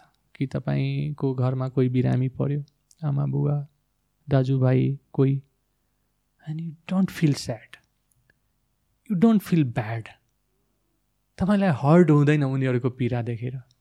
यु हेभ बिकम इमोसनलेस या अलिकति भयो एन्ड देन इमिडिएटली नर्मलमा आइसक्नुभयो। सो यो कम्युनिकेसन तपाईँ बुवा आमासँग बस्नुहुन्छ कुरा गर्नुहुन्छ तपाईँ टाइम स्पेन्ड गर्नुहुन्छ दुःख सुख त्यो युजलेस कुरा हो भात दाल तरकारीकै कुरा होस्। त्यो गर्नुहुन्छ you feel so attached with them तर अब ए यो कुराहरू के गरिराख्ने भनेपछि जब हाम्रो थट हुन्छ नि एडभान्स फ्यामिलीमा यो कुराहरू हुँदैन भात दाल तरकारीको बारेमा। So they are not emotionally so म यो पर्सनल अब्जर्भेसन भन्दैछु जुन म हेर्छु पेसेन्टहरूको म्यानेज गर्दाखेरि. आइसी अलिकति पढे लेखेका अलिकति पैसावाला परिवारमा इमोसनल कन्ट्याक्ट एकअर्कासँग धेरै कम छ। र अलिकति लोवर इकोनोमिक स्टेटसमा यो कुरा धेरै छ। आत्मीयता एकदम धेरै छ। राम्रो छ।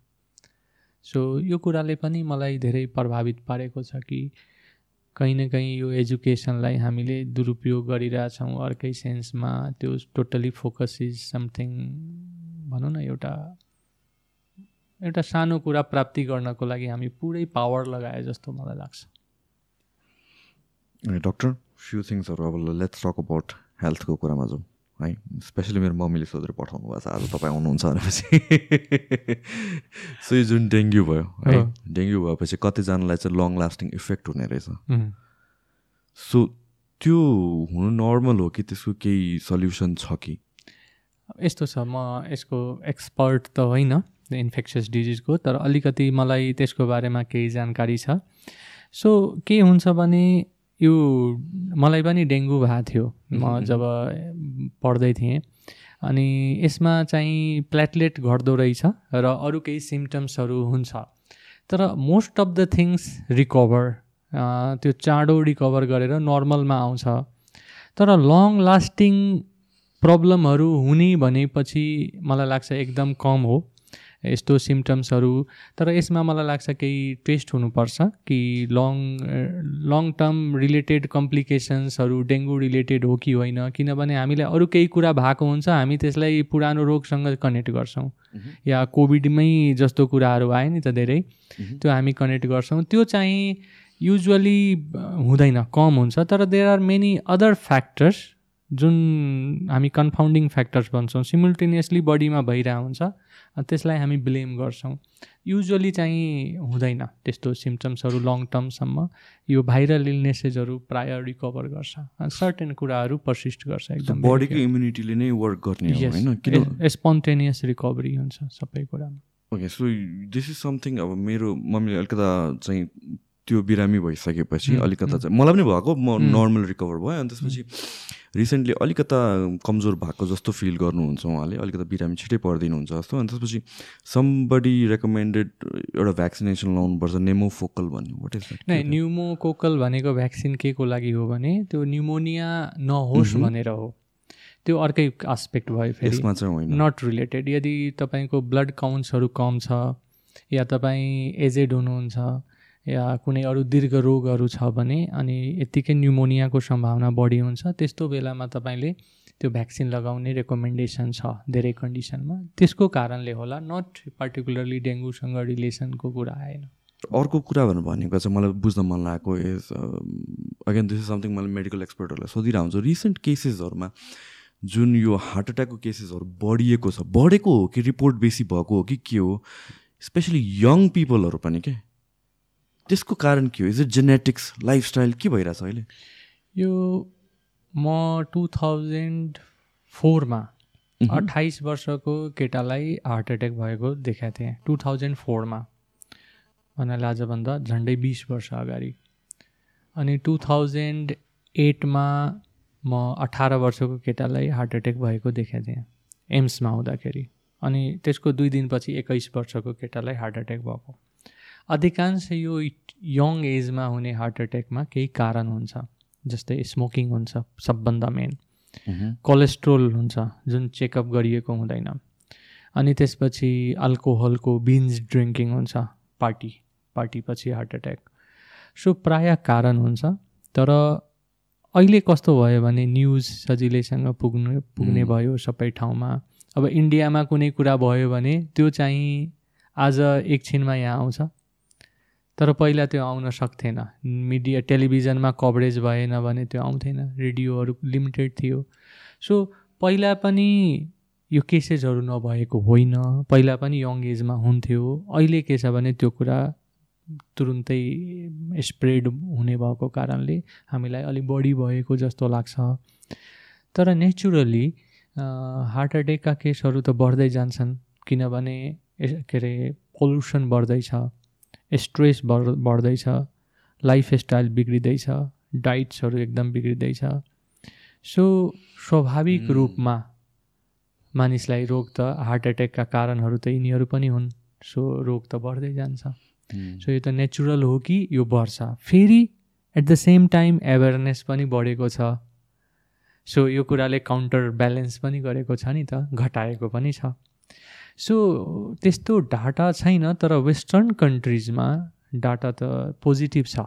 Like it is decreasing okay developed कन्ट्रिजमा heart एट्याकको इन्सिडेन्स हार्ट एट्याकको कारणले हुने मृत्यु विशेष गरेर ट्रिटमेन्ट राम्रो भयो रिकग्निसन टाइममा भयो भने इम्प्रुभमेन्ट छ. It is decreasing mortality because of this र तपाईँलाई सरप्राइज लाग्ला कि नेपाल जस्तो देशमा इट इज इन्क्रिजिङ हामीलाई केही वर्षसम्म के लाग्थ्यो भने हार्ट डिजिज डायबिटिज क्यान्सर यिनीहरू एफ्लुएन्ट मान्छेलाई पैसावाला मान्छेलाई धनी मान्छेलाई मात्रै हुन्छ। तर अहिलेको डाटाले त जस्ट अपोजिट देखाउँछ। गरिब हुनु पनि मुटु रोगको कारण हो एउटा।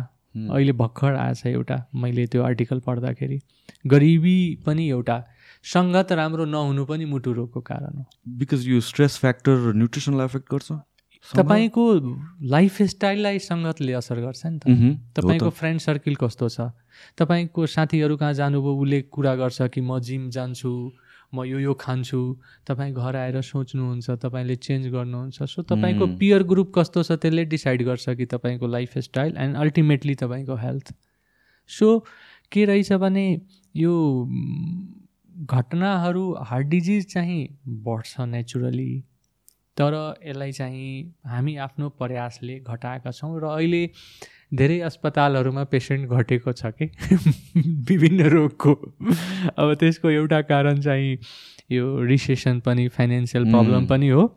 र यदि एउटा कारण यदि सोसियल एवेरनेस हो भने त्यो धेरै ठुलो कुरा हुनसक्छ। डेफिनेटली हो यो चाहिँ किनभने चाहिँ रिसेन्टली यो न्युजमा बेसी आउनु थालेको। मलाई पनि त्यही लागिरहेको थियो मेबी इट इज बिकज अहिले मिडिया मोर एक्सेसेबल भएर हो कि जस्तो लाग्यो। र अर्को कुरा मैले सरप्राइजिङली रिसेन्टली रियलाइज गर्न थालेको हार्टको केसमा कतै चाहिँ जेनेटिक्स हुने रहेछ लाइफस्टाइल पनि हो।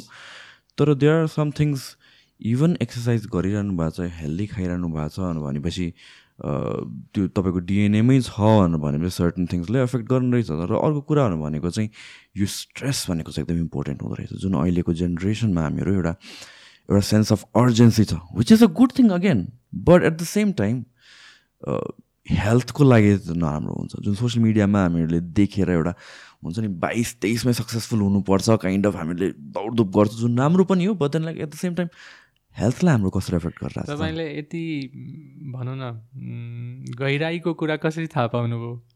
यो किनभने मैले अब मैले प्र्याक्टिकल हेरेर बुझेको कुरा तपाईँ त्यो ठाउँमा नभएर पनि तपाईँले बुझ्नु भएको छ कि यो कुरा? मैले पनि सेम रियलाइज गर्छु कि आजको दिनमा blood प्रेसरको patient sugar cholesterol thirty age group धेरै कमन देखिन थाल्यो। र जस जसको त्यो प्रब्लम छ नि उनीहरू बिजनेसमा अगाडि छ। जबमा अगाडि छ।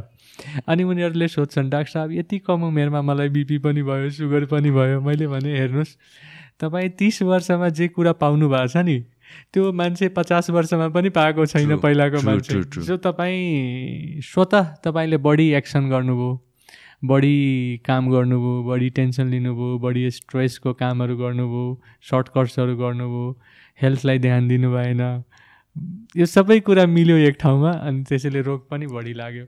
So ultimately the biggest realisation of life जुन मैले धेरै पहिलाको केही इन्टरभ्यूहरूमा पनि भनेको छु कि the biggest realisation of life one can have anybody एउटा हिंदी गीत हो, कुछ पाकर खोना है, कुछ खोकर पाना है। सो पुरानो गीत हो यो।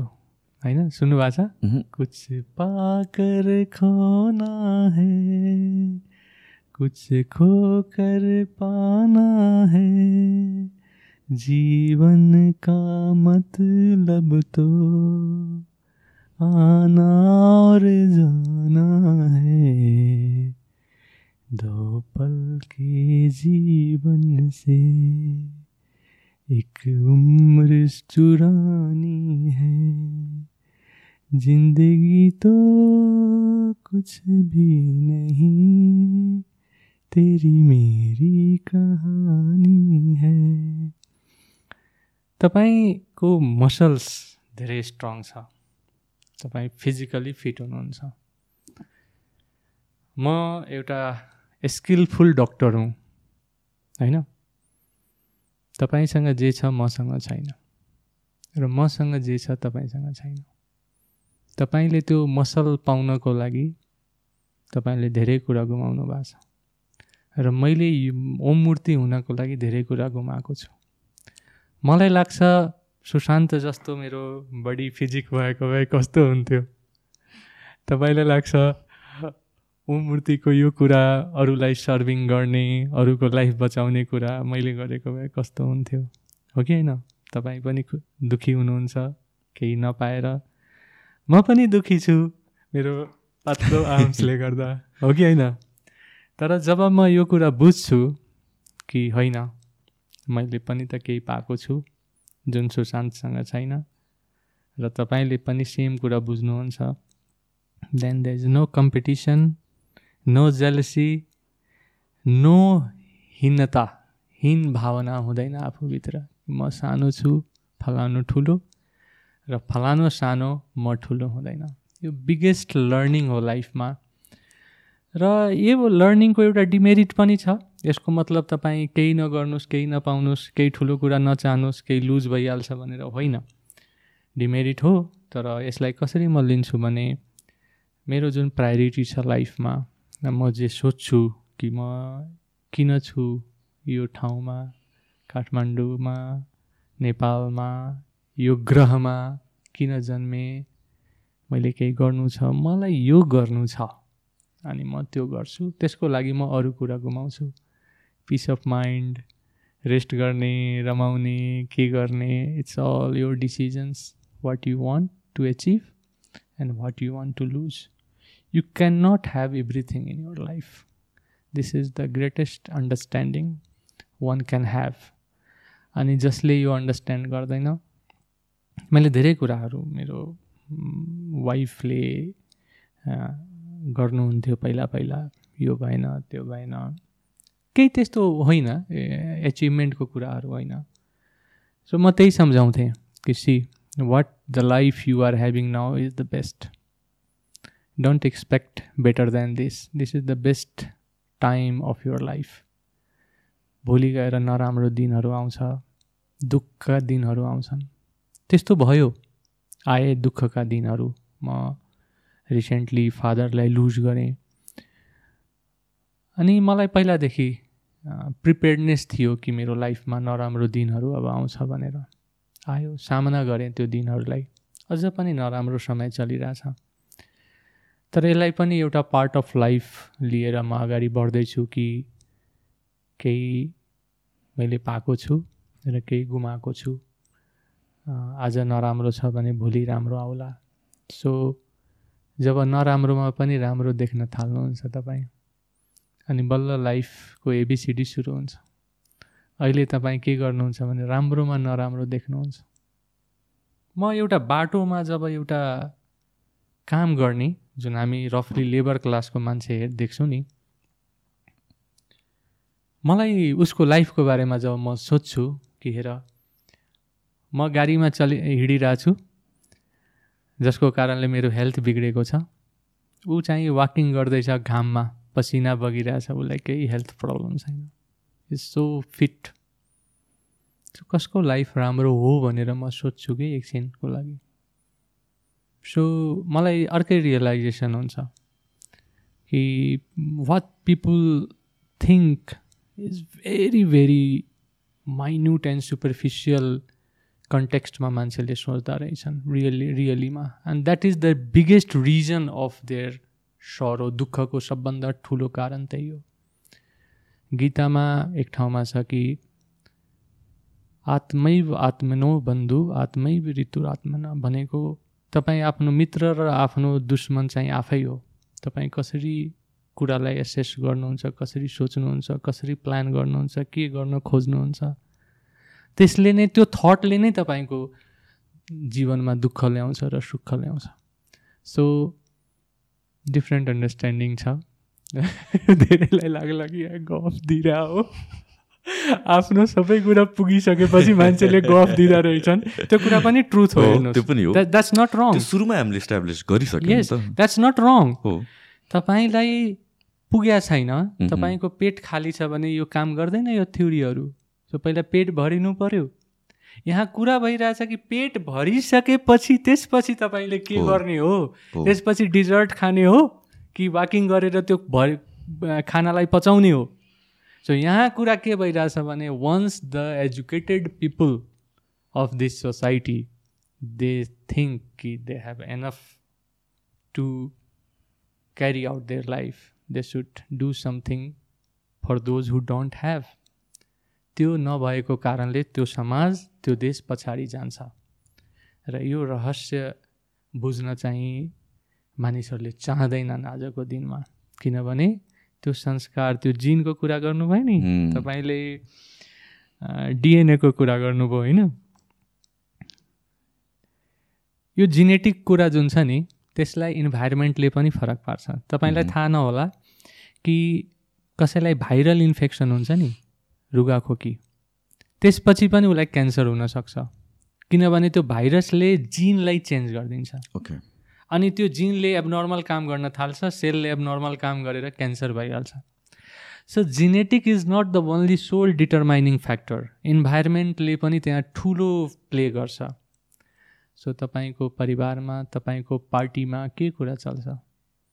पार्टी भनेको मैले पोलिटिकल पार्टीको कुरा गरेँ या समाजको सोसाइटीको कुरा के कुरा भइरहेछ? त्यसले तपाईँको दिमागलाई ठुलो इन्फ्लुएन्स गरिरहेछ।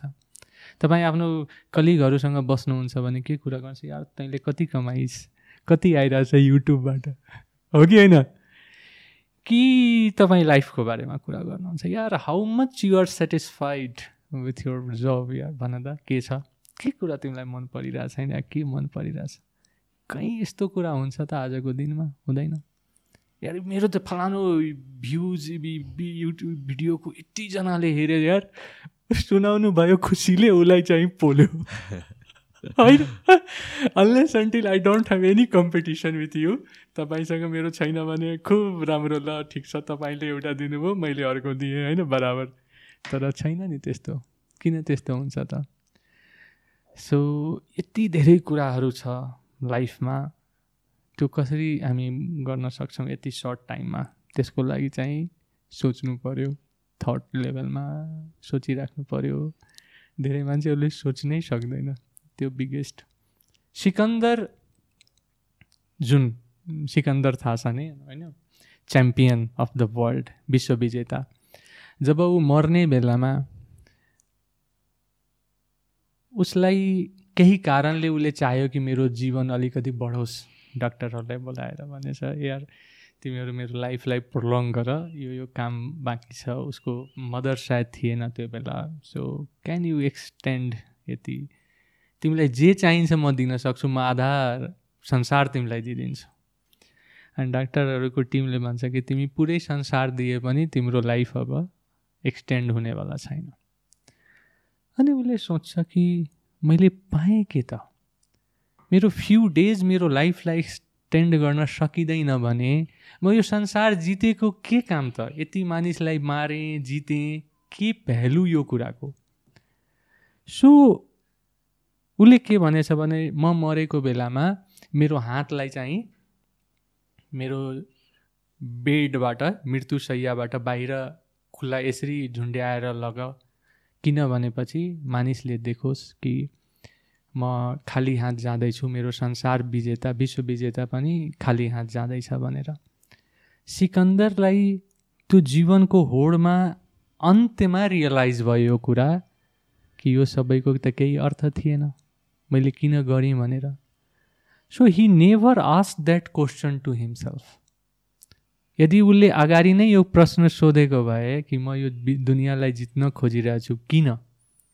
सायद ऊ त्यस्तो मान्छेहरूलाई मार्न ऊ गर्नबाट रोक्थ्यो कि आफूलाई? उसले अरू कुरातिर जान्थ्यो कि? So in our life it's very important to look back तपाईँ एउटा क्लासबाट अर्को क्लासमा जाने इक्जाम दिनुहुन्छ नि त। वाइ कि यो कति छ त एसेसमेन्ट सो हामीले आफ्नो लाइफको एसेसमेन्ट गर्छौँ त। यति वर्षसम्म मैले यो काम गरेँ। गुड ब्याड के राम्रो भयो मैले कहाँ गल्ती गरेँ के improve and do I giving justice to my life मेरो स्किल मेरो नलेजको म जस्टिस गरिरहेको छु त यो काम गरेर? अन्त एन्सर आउँछ नि त कुनै। एन्ड देन यु चेन्ज यो डिरेक्सन तर के हुन्छ भने मान्छेले यो लेभलमा कहिले सोच्दै सोच्दैन अन्त्यमा। नत्र यस्तो सोच्न थालेको भए करप्सन हुन्थ्यो त हुन्थेन। मान्छेले गलत बाटोमा जान्थेन। सो यो कसरी जान्छ त अगेन सङ्गतले। इफ यु थिङ्क तर यहाँ के छ भने हाम्रो जिनमै ठग्ने जब भइसक्यो जिनमै करप्सन आइसक्यो त्यो त सोसाइटीमा छ। आजको दिनमा कोही मान्छे नि निस्केर म देशको लागि इमान्दारीपूर्वकमा यस्तो गर्छु भनेपछि भनेपछि एउटा मूर्खले मात्रै त्यसलाई विश्वास गर्छ। म त विश्वास गर्दिनँ. किनभने आई नो डिफेक्टिभ जिन छ। इन्भाइरोमेन्ट पनि सपोर्टिभ छैन कि त्यो जिनेटिक स्ट्रक्चरलाई चेन्ज गर्न सक्छ रिमोडलिङ भन्छ त्यसलाई चेन्ज गरेर पोजिटिभ ल्याउन सक्ने। यहाँ त नर्मललाई त्यो इन्भाइरोमेन्टले बिगारिदिन्छ भने एबनर्मललाई त इन्भाइरोमेन्टले झन् के गर्ने होला? सो यहाँ सोसाइटीबाट जब त्यस्तो प्रोडक्सनहरू हुन थाल्छ अनि त्यसपछि त्यो त घातक हो। So whatever we have to do is to do at the level of society and it is responsibility of leaders from different parts of भनौँ न प्रोफेसनबाट आएर अगाडि बढेर केही त्यस्तो गर्नुपर्छ यो लाइफमा आफूले गर्न सक्ने चाहिँ कन्ट्रिब्युसन चाहिँ दिनुपर्छ जस्तो लाग्छ। Doctor thank you so much for your time एकदमै राम्रो कन्भर्सेसन गर्नु and I wish you the best thank you very much कन्टेन्टहरू create गरेर राख्नुहोस् युट्युब फेसबुकको कमेन्ट्सको चिन्ता नगर्नुहोस् होइन? That's how it should be yes I am learning and thank you very much मेरो यो पहिलो पोडकास्टमा इन्टरभ्यू थियो and it was not like a interview अहिले पनि फिल भइरहेछ कि I can keep on talking for hours I think same thing is with you होइन? अनि तपाईँको उसको लागि पनि धेरै धेरै शुभकामना। राम्रो इन्टेन्सनले जुन काम गरिरहनु भएको छ त्यो अझ अगाडि बढोस्। र तपाईँको यो सिल्भर प्लेट चाँडै गोल्डन प्लेटमा हेर्न पाऊँ है युट्युबको त्यही मेरो शुभकामना छ। Thank you so much doctor thank you